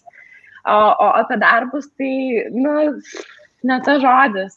Matai, dar plus, kai nemyli savęs, dažniausiai susirandi tokį žmogų šalia, kuris tau tai liudytų visą laiką. Tai aš turėjau tikrai puikų vaikiną, kuris buvo man labiausiai netinkantis žmogus pasaulyje, nes jisai Uh, nu, tikrai ne, nepalaikydavo, labiau sakydavo, kad tau čia dar reikia patobulėti, čia dar reikia padaryti, o mano vidinis kritikas jau man visą dieną tai kartodavo. Nu, tai tiesiog, žinai, aš labai taip susigūžus buvau, uh, man labai sunku, aš visko labai abejojau, um, man atrodo, kad kai atitiko tas skirybos, tai aš tiesiog sugriuvau, visą tai plytom, kaip vat pilis sugriūtų ir sėdėjau ant tos plytų krūvos, tada galvojau, kurias plytas noriu susirinkti, pasimti ir iš kurių noriu statyti ir kurias gal reikėtų ten nu, paleisti. Tai taip po truputį ir pradėjau iš naujo, bet uh, labai labai stipriai iššovė, ką, ką darai, tai yra, ką žmonės dirba, man iškai maišas tie pavadinimai, tai what do people do, e, ir žurnalas išsileido, tai aš prieš tai du metus planavau žurnalą ir kaip gėda, pavyzdžiui, um, žmonių žurnalas metus laiko prieš išleidžiant žurnalą rašė, kad aš leidžiu žurnalą. Tai aš neįsivaizduoju, ką aš galvojau ten tą intervą duodama, žinodama, kad ten viskas stovi mirties būsenoje, aš jau pasakoju, kaip aš ten kažką leidžiu. O iš tikrųjų tiek ilgai užtruko, tai man su tuo tokiu nauju savęs uh, iškratimu geru atėjo, atsirado labai daug energijos projektam. Tai ir renginiai kabliai gimė, ir kurių labai laukiam, kada jie vėl grįž. Ir šitas, ką darai, dar gerai projektas, tai Jis iš viso prasidėjo nuo to, kad e, karantine, pirmas karantinas buvo, mums visus darbus atšaukė, žurnalų pardas užsidaro, viskas yra blogai, mes e, persigrūstam į Klaipadą, nes nereikia nuomos mokėti ir sėdim su Linu ten stresų dužusios geldos atsisėdę, tas irgi fotografas, ten tipo viskas užsidarė, nu, pavergs galima. Ir Lina sako, žinau, Rasa, ką reikia padaryti. Aš turiu kamerą, nufilmuojam tavo kursą. Tai mes kai paleidom, tai mes išsidirbom tiek, kad mes prieš, per praeitus metus nebuvom užsidirbę. Nu, ten įžiauriai nupirko, beprotiškai. Ir iš to gimė naujas projektas, bet man atrodo, tas momentas irgi labai svarbus yra ne uh, sustingus bijoti, kad jeigu tu pradėsi kažką naujo, kad kažkas pagalvos, jeigu tam tau uh, neišeis, aš su Agne Glytė apie tai, ką tik kursas jūs įrašęs, tai Agnės šeši verslai prieš tai nepaėjo. Turbūt visi galėtum atsiminti kokį nors projektą, kurį Agnė Glytė darė, kuris dabar nebevyksta. Bet kapsulė dabar yra, tai tik tai per tuos visus nepavykusius kartus jinai atsirado. Tai man atrodo, reikia nustoti, galvoti, bijoti, ką kiti pasakys ir rinktis drąsą būti savo. Būtent. Ir, ir iš esmės pas, atsisėsti su savimi ir pasitarti, ką aš noriu daryti. Ar aš noriu šitam gyvenime būti gražus ir visą savo energiją, tokią, nežinau, atominės bombos sprogimo energiją skirti tą, kur aš noriu graž, būti gražus, nu, ten, ne, ar noriu kažką kurti. Ir kai kuriems žmonėms yra gyvenimo tikslas būti gražiem, tai viskas fantastika, tai yra gražu, nes tas grožis įkvepia, nu, ir kitus duoda kažkokio gero dalyko. Aišku, tiem žmonėm, kurie nelygina to grožio su savo grožiu ir tada pradeda jaustis blogai, o energija, kuri atsiranda, kai tu pradedi kreipti, vat, pakeiti požiūrį, tai yra absoliučiai kosminė ir ten nesu. Aš dar vieną dalyką atsiminiau. Žinai, ką aš atsiminiau? Žinai, kaip yra, tipo, telefonė, scrollinė, arba ten Facebook'e matai žiauriai senas savo nuotraukas. Ten tipo prieš du metus. Ir galvojai, plendal, kaip gerai atrodžiau. Ir tada atsimeni, kaip žiauriai blogai, kaip blogai galvoja apie save tą momentą, tipo, kur galvoja, kad labai negražiai esi. Tai um, man šitas dar labai padeda visą laiką. Dalinuosi vienu komentaru, kuris čia šiek tiek į temą. E, vienas e, klausytojas rašo, sako, įdomus paradoksas, kol esi jauna savyje, randi tiek trūkumų, kad ojojoj, o su amžiumi ir branda pradedi save priimti, žinoma, gal ne šimta procentų, nors ir ten kalb... Kaba. Nors ir ten kaba, šiandien kaba. Tai, Žinai, kava, kava, visur kava. Taip, čia yra žiauri tiesa.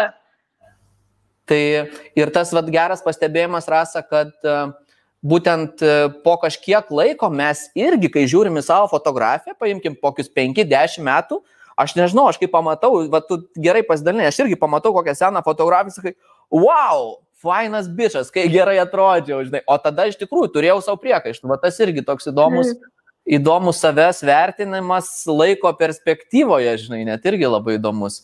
Ir žinai, kas dar momentas yra, aš dabar nesimatau, aš šiaip žiūri gerai atrodau, bet aš turiu tokių rūkšlelių dabar jau. Nu, tokių, taip, žinai, man 30 po pusės metų, nu, taip, it's normal.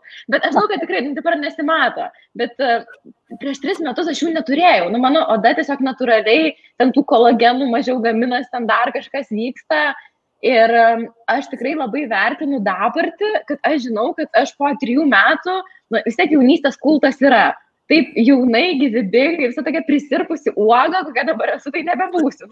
Visiškai kitaip ten nebebūsiu. Tai man ir dabar yra, aš taip noriu save ten ant rankų nešioti. Dėl to, kad, nu, bet aišku, tada, kai jau bus PEM, tai tu, tu ten visiškai kitokia graži pasidarai ir jau gali nusipirkti visus tos šanelio lūpdažius ir tada jau išpilabūni gyvačką, čia jau gerai. Louis Vuittonom. Rasa, pabaigai vienas klausimukas, prieš, prieš paskutinis. Va čia toks pastebėjimas buvo, kodėl jaunos merginos darosi nude foto, ar, ar dėl to, kad pasenusios galėtų žiūrėti ir prisiminti, kokį kūną turėjo, ar, ar tik čia toks trendas? Kaip tu manai? Aš tai manau, kad nei tas, nei tas. Čia, aš nežinau, ar to daras, nors kiek referina neringa rekašiūtą uh, ir mano nuotrauka su ją, ar šiaip tiesiog, nes tai yra, nu, neringa šiaip užsuko žiūri gerą reikalą. Aš tam pasaulyje žinau, kad yra terapeutės, kurios uh, siunčia moteris pas neringą pasidaryti fotosesijos, nes tai yra apie savęs prieimimą. Dėl to, kad uh, neringa nėra ten kaip uh, penki kiti žvaigždžių fotografai, kurie ten tave nuretušuosi iki negalėjimo ir atrodys, kad tu esi kažkokį odos kostiumą užsidėjusi. O ten viskas normal, tiesiog kaip yra. Ir man atrodo, kad tai yra tiesiog labai didelė kelionė savęs prieimimo, toks tiesiog karūna, tu savo užsidedi tą, kad tu, aš esu kokia aš esu ir žinot ką, aš žiauriai gerai atrodau. Nes aš turėjau nuotraukas, kur, kurias aš įkėliau, kur uh, aš suprantu, kad nu, ten visiems normaliems žmonėms atrodys, kad ten yra nieko tokio, bet ten matosi ten biški pilvuko mano, ten, kuris nėra visiškai ten tobulai plokščias. Tai buvo labai įdomi reakcija. Aš tuo metu dirbau su uh, didžiuliu, tokiu labai tradiciniu verslu Lietuvoje.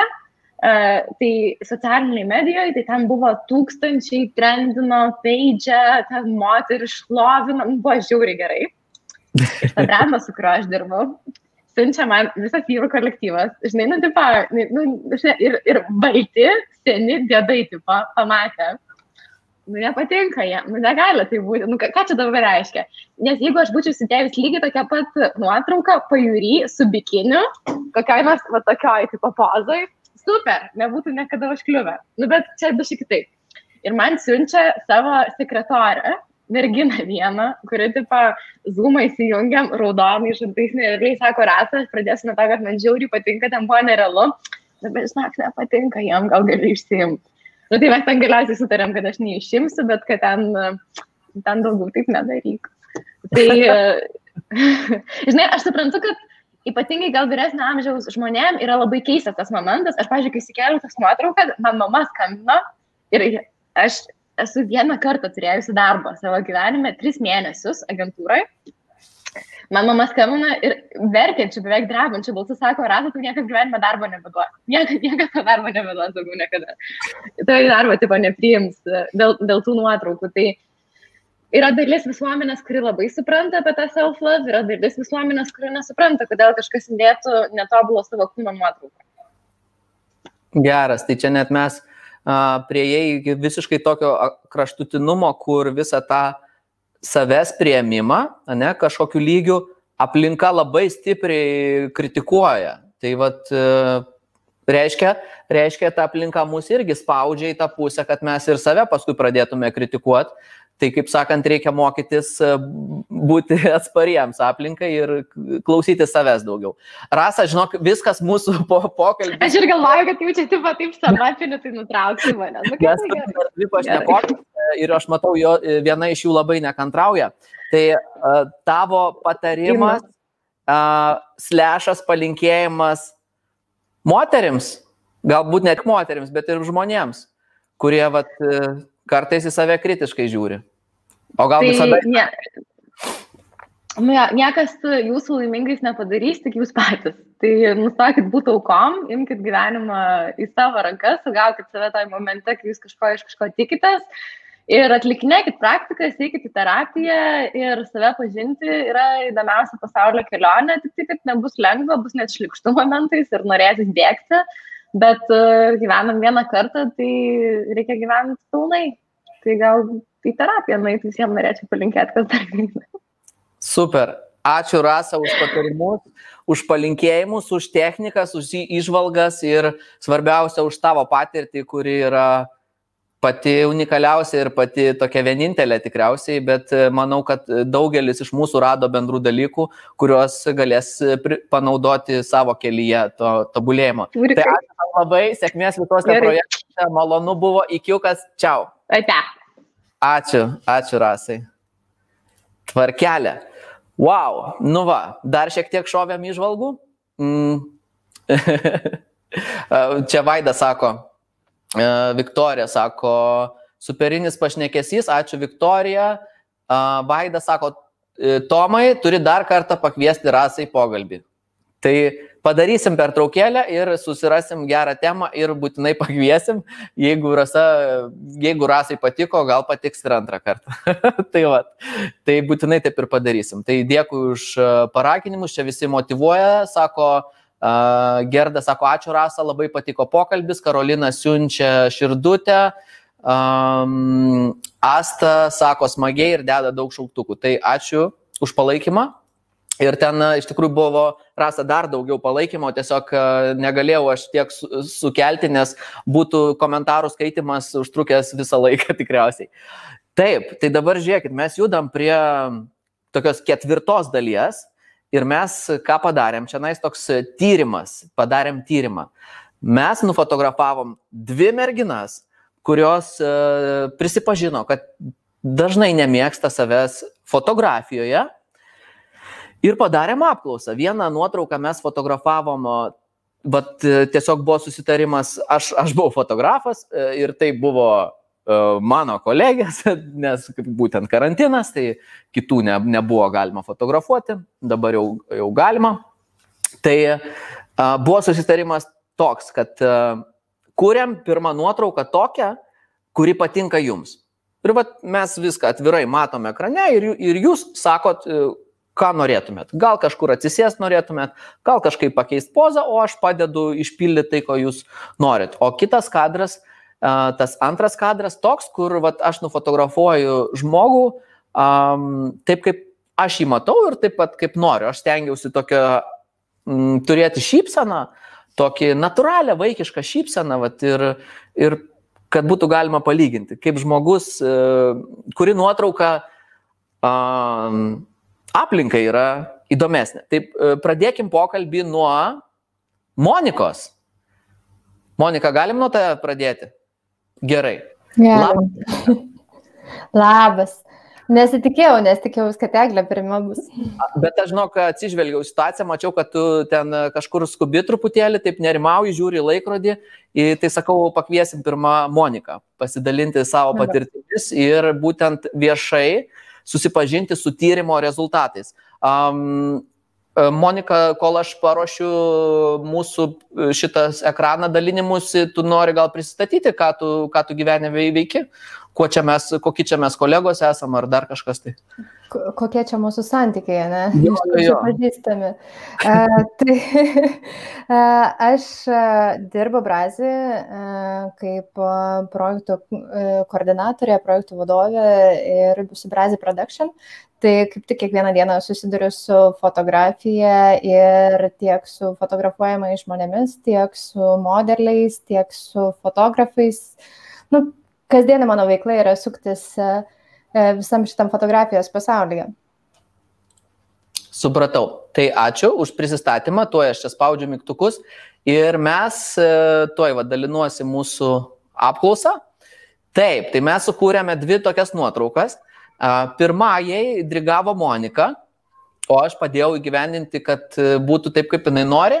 O, o ant, antrą jau aš pasistengiau sukurti va tokią, kokią aš norėjau ir kaip įsivaizdavau, kur visiškai tokia valiukiška, lengva šypsena. Ir mes ką padarėme, mes apklausėm žmonių, kuri nuo Monikos nuotrauka patinka labiau. Ir buvo prašymas tik tai užmeskit labai trumpai akį, kad pamatytumėt bendrą vaizdą ir tada sakykit, kuri nuotrauka labiau patinka. Ir tada antras klausimas buvo, tuoj palačią su Eglė prabėgsim. Mhm. Ir tada antras klausimas, o kaip galvojate, kurią nuotrauką kaip favoritė išsirinko Monika. Ai, tai tiesa, dabar klausytojai mūsų uh, klauso, tai jeigu kas netyčia ne, nedalyvautų apklausoje, brūkštelkit numeriuką, kuri jums fainesnė iš tokio pirmo žvilgsnio. Ar numeris pirmas, ar numeris antras. E, Monika, e, šią akimirką balsavimai yra, aš žiūrėk, ne, ne, vienas, vienas, taip, taip, taip, jūratė, vienas, vienas, du, antra, antra, antra, numeris Taip, numeris 2, tvarkelė ir toliau 2, 2, 2, vienetukas. Balsavimas vienu žodžiu vyksta ir pasižiūrėkime uh, apklausos rezultatus. Taip, taip, taip, taip, tai tuo aš čia paskrolinu.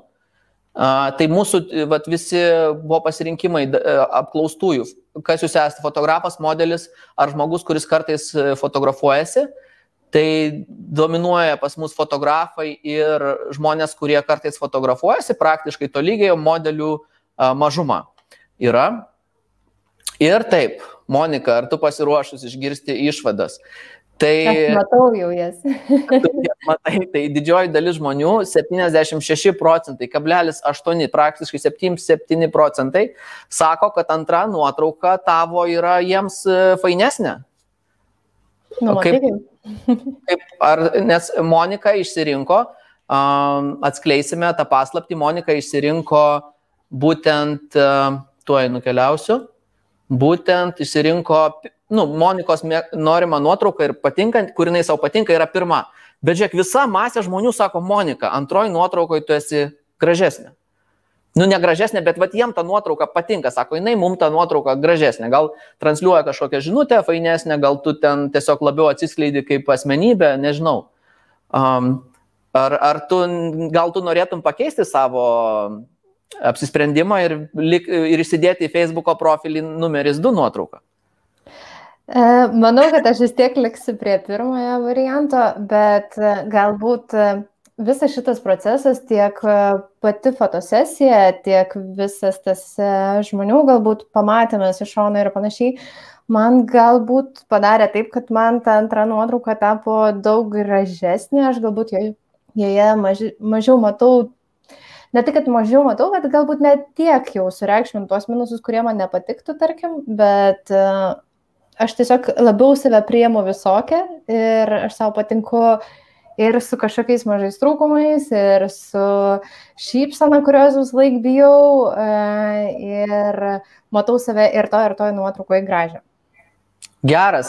Tai visas šitas mūsų testas ir visas klausimynas realiai net ir kažkiek prisidėjo to, kad tu ir, vat, nu, vat, tai pamatytum kažkokių naujų dalykų pas save ir truputėlį labiau juos pradėtum pamėgti? E, mes gal dar tarpusavę kalbėjom apie tą dalyką, kad yra tam tikrų nu, dalykų, kurie ateina ir susiformuoja dėl mūsų įsivaizdavimo kažkokio, kokie mes turėtume būti, kokios yra tarsi pasaulyje, ar ten, nežinau, mados pasaulyje, socialinių tinklų pasaulyje normos. Ir mes visi bandom tarsi kažką tai atitikti galbūt ir dėl to atsiranda kažkokių nepasitikėjimų e, savimi, bet e, kai tu pasigilini, tai tu supranti, kad Ta prasme, aš savo galėjau, kai tu manęs paklausai, ar aš, man patinka fotografuotis, tai aš atsakiau taip, man patinka fotografuotis. Bet iš kur, kodėl aš tada nepatinku savo nuotraukose, tai va čia yra įdomus klausimas. Bet turbūt tai lemia tam tikri dalykai, kurie susiformuoja iš visuomenės kažkokių normų, galbūt mes patys tai prie, jas priemam, nors iš tikrųjų tai nėra. Ir turbūt iš vidinės meilės savo. Tai kai tu pradedi save labiau mylėti ir tu pamatai, kai, kai tau užduoda tikslinius klausimus kažkokius ir žmonės paklausia, ar tu savo negražus toje nuotraukoje, nu ne, nu, aš savo vis tiek gražus esu dėl to, kad aš save myliu ir galiu save priimti visokį. Super. Uh, ir Monika, dar tada vienas pasidalin, nu, pasidalinimas iš tyrimo. Ir kitas klausimas buvo, o kaip galvojate, kurią nuotrauką kaip favoritę išsirinks Monika? Ir čia nais apklausa apsiverčia absoliučiai į kitą pusę, kad e, vis tik didžioji dauguma sako, kad Monika išsirinks pirmą nuotrauką. Ir čia nu, mažesnių biškelį procentų tas santykis, bet vis tik į, į viena, į vien, vienpusiškai pirmauja tas, kad žmonės galvoja, jog tu įsirinksi nuotrauką pirmą. Ir aš galvoju, čia labai įdomiai gaunasi. E, žmonės kaip ir žmonėms, vat, net gal irgi žiūrint į nuotrauką, kaip ir patinka viena nuotrauka, bet įsivaizduoja, kad žmogui patiks kita nuotrauka. Ir čia aš toks galvoju, gal net kažkokiu būdu mes taip mąstydami net ir patys a, kuriam stereotipus kažkokius. Tai, tai um, Tai va, aš nežinau, ar tu gal kažkokių išvalgų matai šitą, šitą antram klausime dar? Man įdomu būtų turbūt e, sužinoti, ar taip įvertinę jie, jiems vis dar patinka mano pirmoji, e, vis dar patinka mano antroji nuotrauka, nes tai turbūt ir būtų atsakymas. Ar jie tai pasirinko dėl to, kad pagalvojo, kad aš savo nepatiksiu kažko, dėl kažkokių minusų, ar ten, nežinau, kažkokios pozos ar dar kažko, ar išsirinksiu galbūt saugesnę nuotrauką, toj, kur nesišypsau, ar visgi jie po šito vertinimo įsižiūrėję irgi nuoširdžiai į pirmą klausimą pasakytų antras nei pirmas. Ok. Ir e, pabaigai aš tada pasidalinsiu e, Indrės komentaru, sako, Monika, šypsenėlė, pirma foto atrodo griežtoka, išdidi, uždaresnė, antroje foto šypsena užbūrinti, atrodo draugiška, bendraujanti, atsipalaidavusi, dėl to dauguma ir pasirinko antrą foto. Tai čia Indrės, Indrės nuomonė, tai ačiū Indrė už pasidalinimą.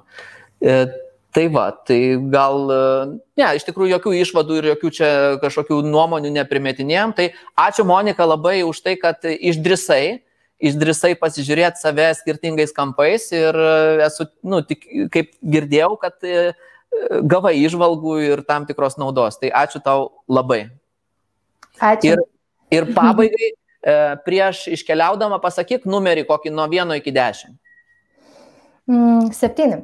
Septyni. Mano lucky number. Lucky number. Tai e, tuoj sužinosit, ką tas septyni daro, nes tai bus susijęs su dovanų atidavimu, mes kuriuos dar vis dar čia turim ir jos laukia savo eilės. Monika, iki greito, atsisveikinu su tavimi. Ačiū, iki. Ir kviečiu mūsų antrą modelį, Eglę. Labas, to. Labas, Eglė. Labas. Tai kol aš irgi nuskrolinsiu iki tavo būtent nuotraukų ir tavo apklausos, pala, iš karto duodam žmonėm, kad kas nedalyvavo apklausoje pasakytų, kuri nuotrauka fainesnė. Tai dabar klau, va štai pirmas akimirka greit pažiūrite eglę ir pirma ar antra fainesnė. Brūkštelkit numeriuką vienas arba du ir mes pasižiūrėsim, ar čia taip pat e, sutampa, nesutampa, kaip buvo su Monika, ar čia yra kitaip. Tai Monika, gal galėtum irgi trumpai prisistatyti, ką tu Braziją darai. Tai aš Brazį koordinuoju komunikaciją. tai iš tikrųjų prieš tos laidos tikrai nemažai prisidėjau. Tai pačiai kažkaip labai keista buvo ta apklausa, bet labai džiaugiuosi prisidėjus ir pati save išbandžius ir galbūt kažkiek išlipus iš tų tokių stereotipų, kur tave šiek tiek supančioja gal ir tu gal visai to nenori, bet, e, nu, galvoji, kad taip, taip reikia, gal tie stereotipai tokie yra. Ir tai va, tai aš kažkaip e, dėlioju komunikaciją, e, Brazilija, jeigu taip grįžt prie to, ką veikiu. E, tai va, tai tiek. Šiaip esu ganėtinai nesenai prisijungus prie komandos, tai, tai labai labai smagu matyti visą, visą šitą reikalą. Tai aš dalinuosi dabartiniam, va šviežiom išvalgom ir žinok, didžioji dalis balsuoja už numerį vienas nuotraukytę, kai kurie už numerį du, bet didžioji, uh, Marius sako, visada laimi numeris du. Tai Marius ne visą laiką, čia nais laimi numeris vienas, kol kas. Ir Eglė keliaukime, tai pirma nuotrauka, kur vat, Eglė sako, va, aš čia savo patinku, įsidėsiu į Facebooką šitą nuotrauką, viskas gerai. O antrą jau aš ją prajuokinau ir nufotografavau. tai, tai va, keliaukime į, į statistiką, kaip sakant, statistika nemeluoja. Tai, tai eglės atveju e, didžioji dalis, tai yra 63 procentai žmonių sako, eglė yra fainesnė ten, kur jinai savo yra fainesnė, o 36 procentai sako, kad eglė yra fainesnė, kur jinai ten uh, visiškai laisvai, sakyčiau, e, žvengia nuotraukoje ir Eglė, laim, kaip sakant, nežinau, tu laimėjai, tai kaip jautiesi? Gerai, gal, iš tikrųjų nežinau, aš pati to nesitikėjau. Galvojau, kad bus antra nuotrauka, nes, vad, kai išgirdau pirminės reakcijas, kai studijai mes fotografavomės ir tu klausai žmonių ir jie sakė, kad antra. Tai gal iš to gaunasi toks truputį nuostaba. Ir mes labai šiaip įdomiai patys tarp savęs pašnekėjom, kad galbūt pirma nuotrauka yra taip, kaip aš save įsivaizduoju ir kaip aš norėčiau atrodyti ir, ir jinai man patinka. O antra nuotrauka, nu, realiai tai aš tokia ir esu, kur šiaip pasijuokiu, pažvengiu, man, man labai smagu, tai šiaip jo, kažkaip truputėlį nustebau, bet, bet man patinka, kad žmonėms patiko ta nuotrauka, kurią aš išsirinkau.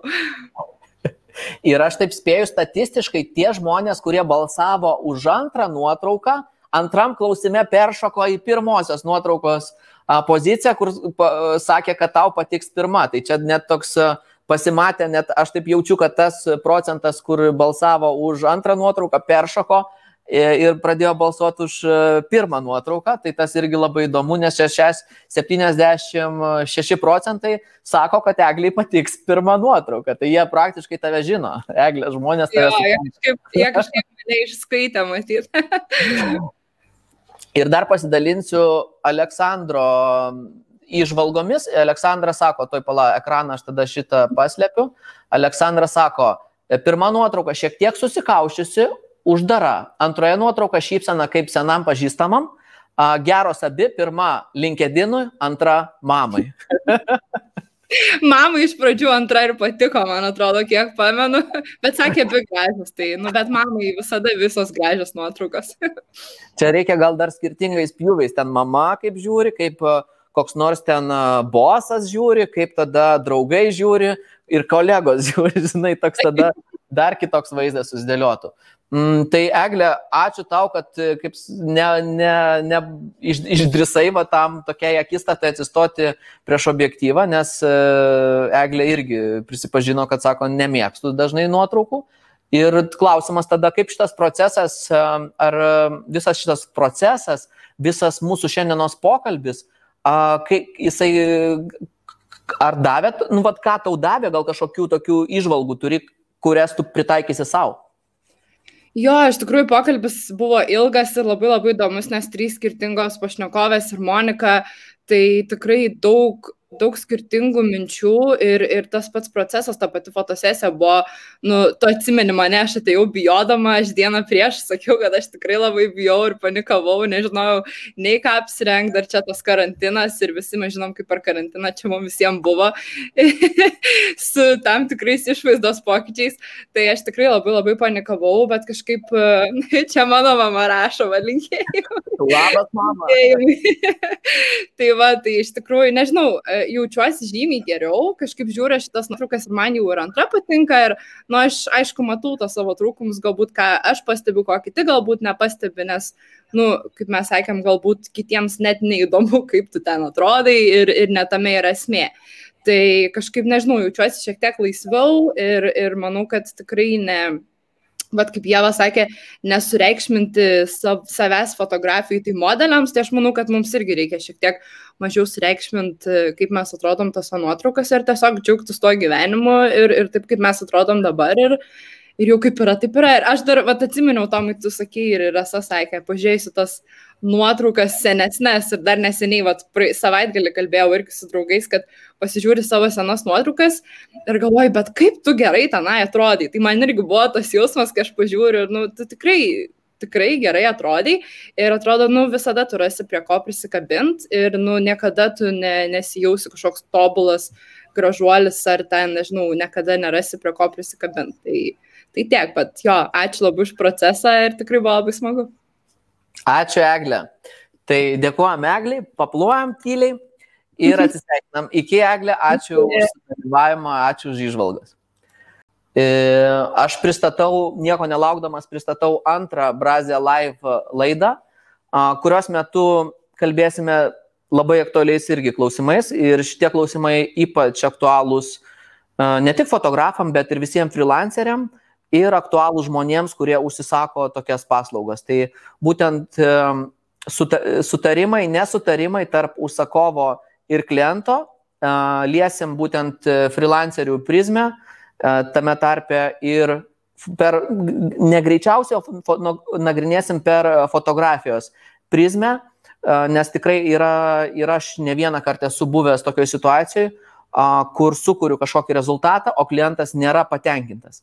Ir tada aš esu nepatenkintas ir klientas yra nepatenkintas. Tai vat, vat labai atvirai pažiūrėsim iš tą situaciją, kur, kur čia atsirado tarpas, tas gepas, vat, būtent kaip šiandien kalbėjom gepas, kur čia, kur čia atsiranda gepas ir kodėl jis atsiranda, kur yra nesusikalbėjimai ir kodėl kartais atsitinka situacijos, kad uh, abi pusės arba viena pusė, vienai par kitaip, jeigu viena pusė nepatenkinta, tai aš manau, abi pusės jau yra nepatenkintos, tai kas čia, mm, kame čia šitas reikalas, tai šitą um, klausimą uh, panagrinėsim ir atsisveikinu su mūsų pirmos atsinaujinusios laidos Alive žiūrovais. Ačiū, kad buvote, ačiū, kad taip aktyviai įsitraukėte.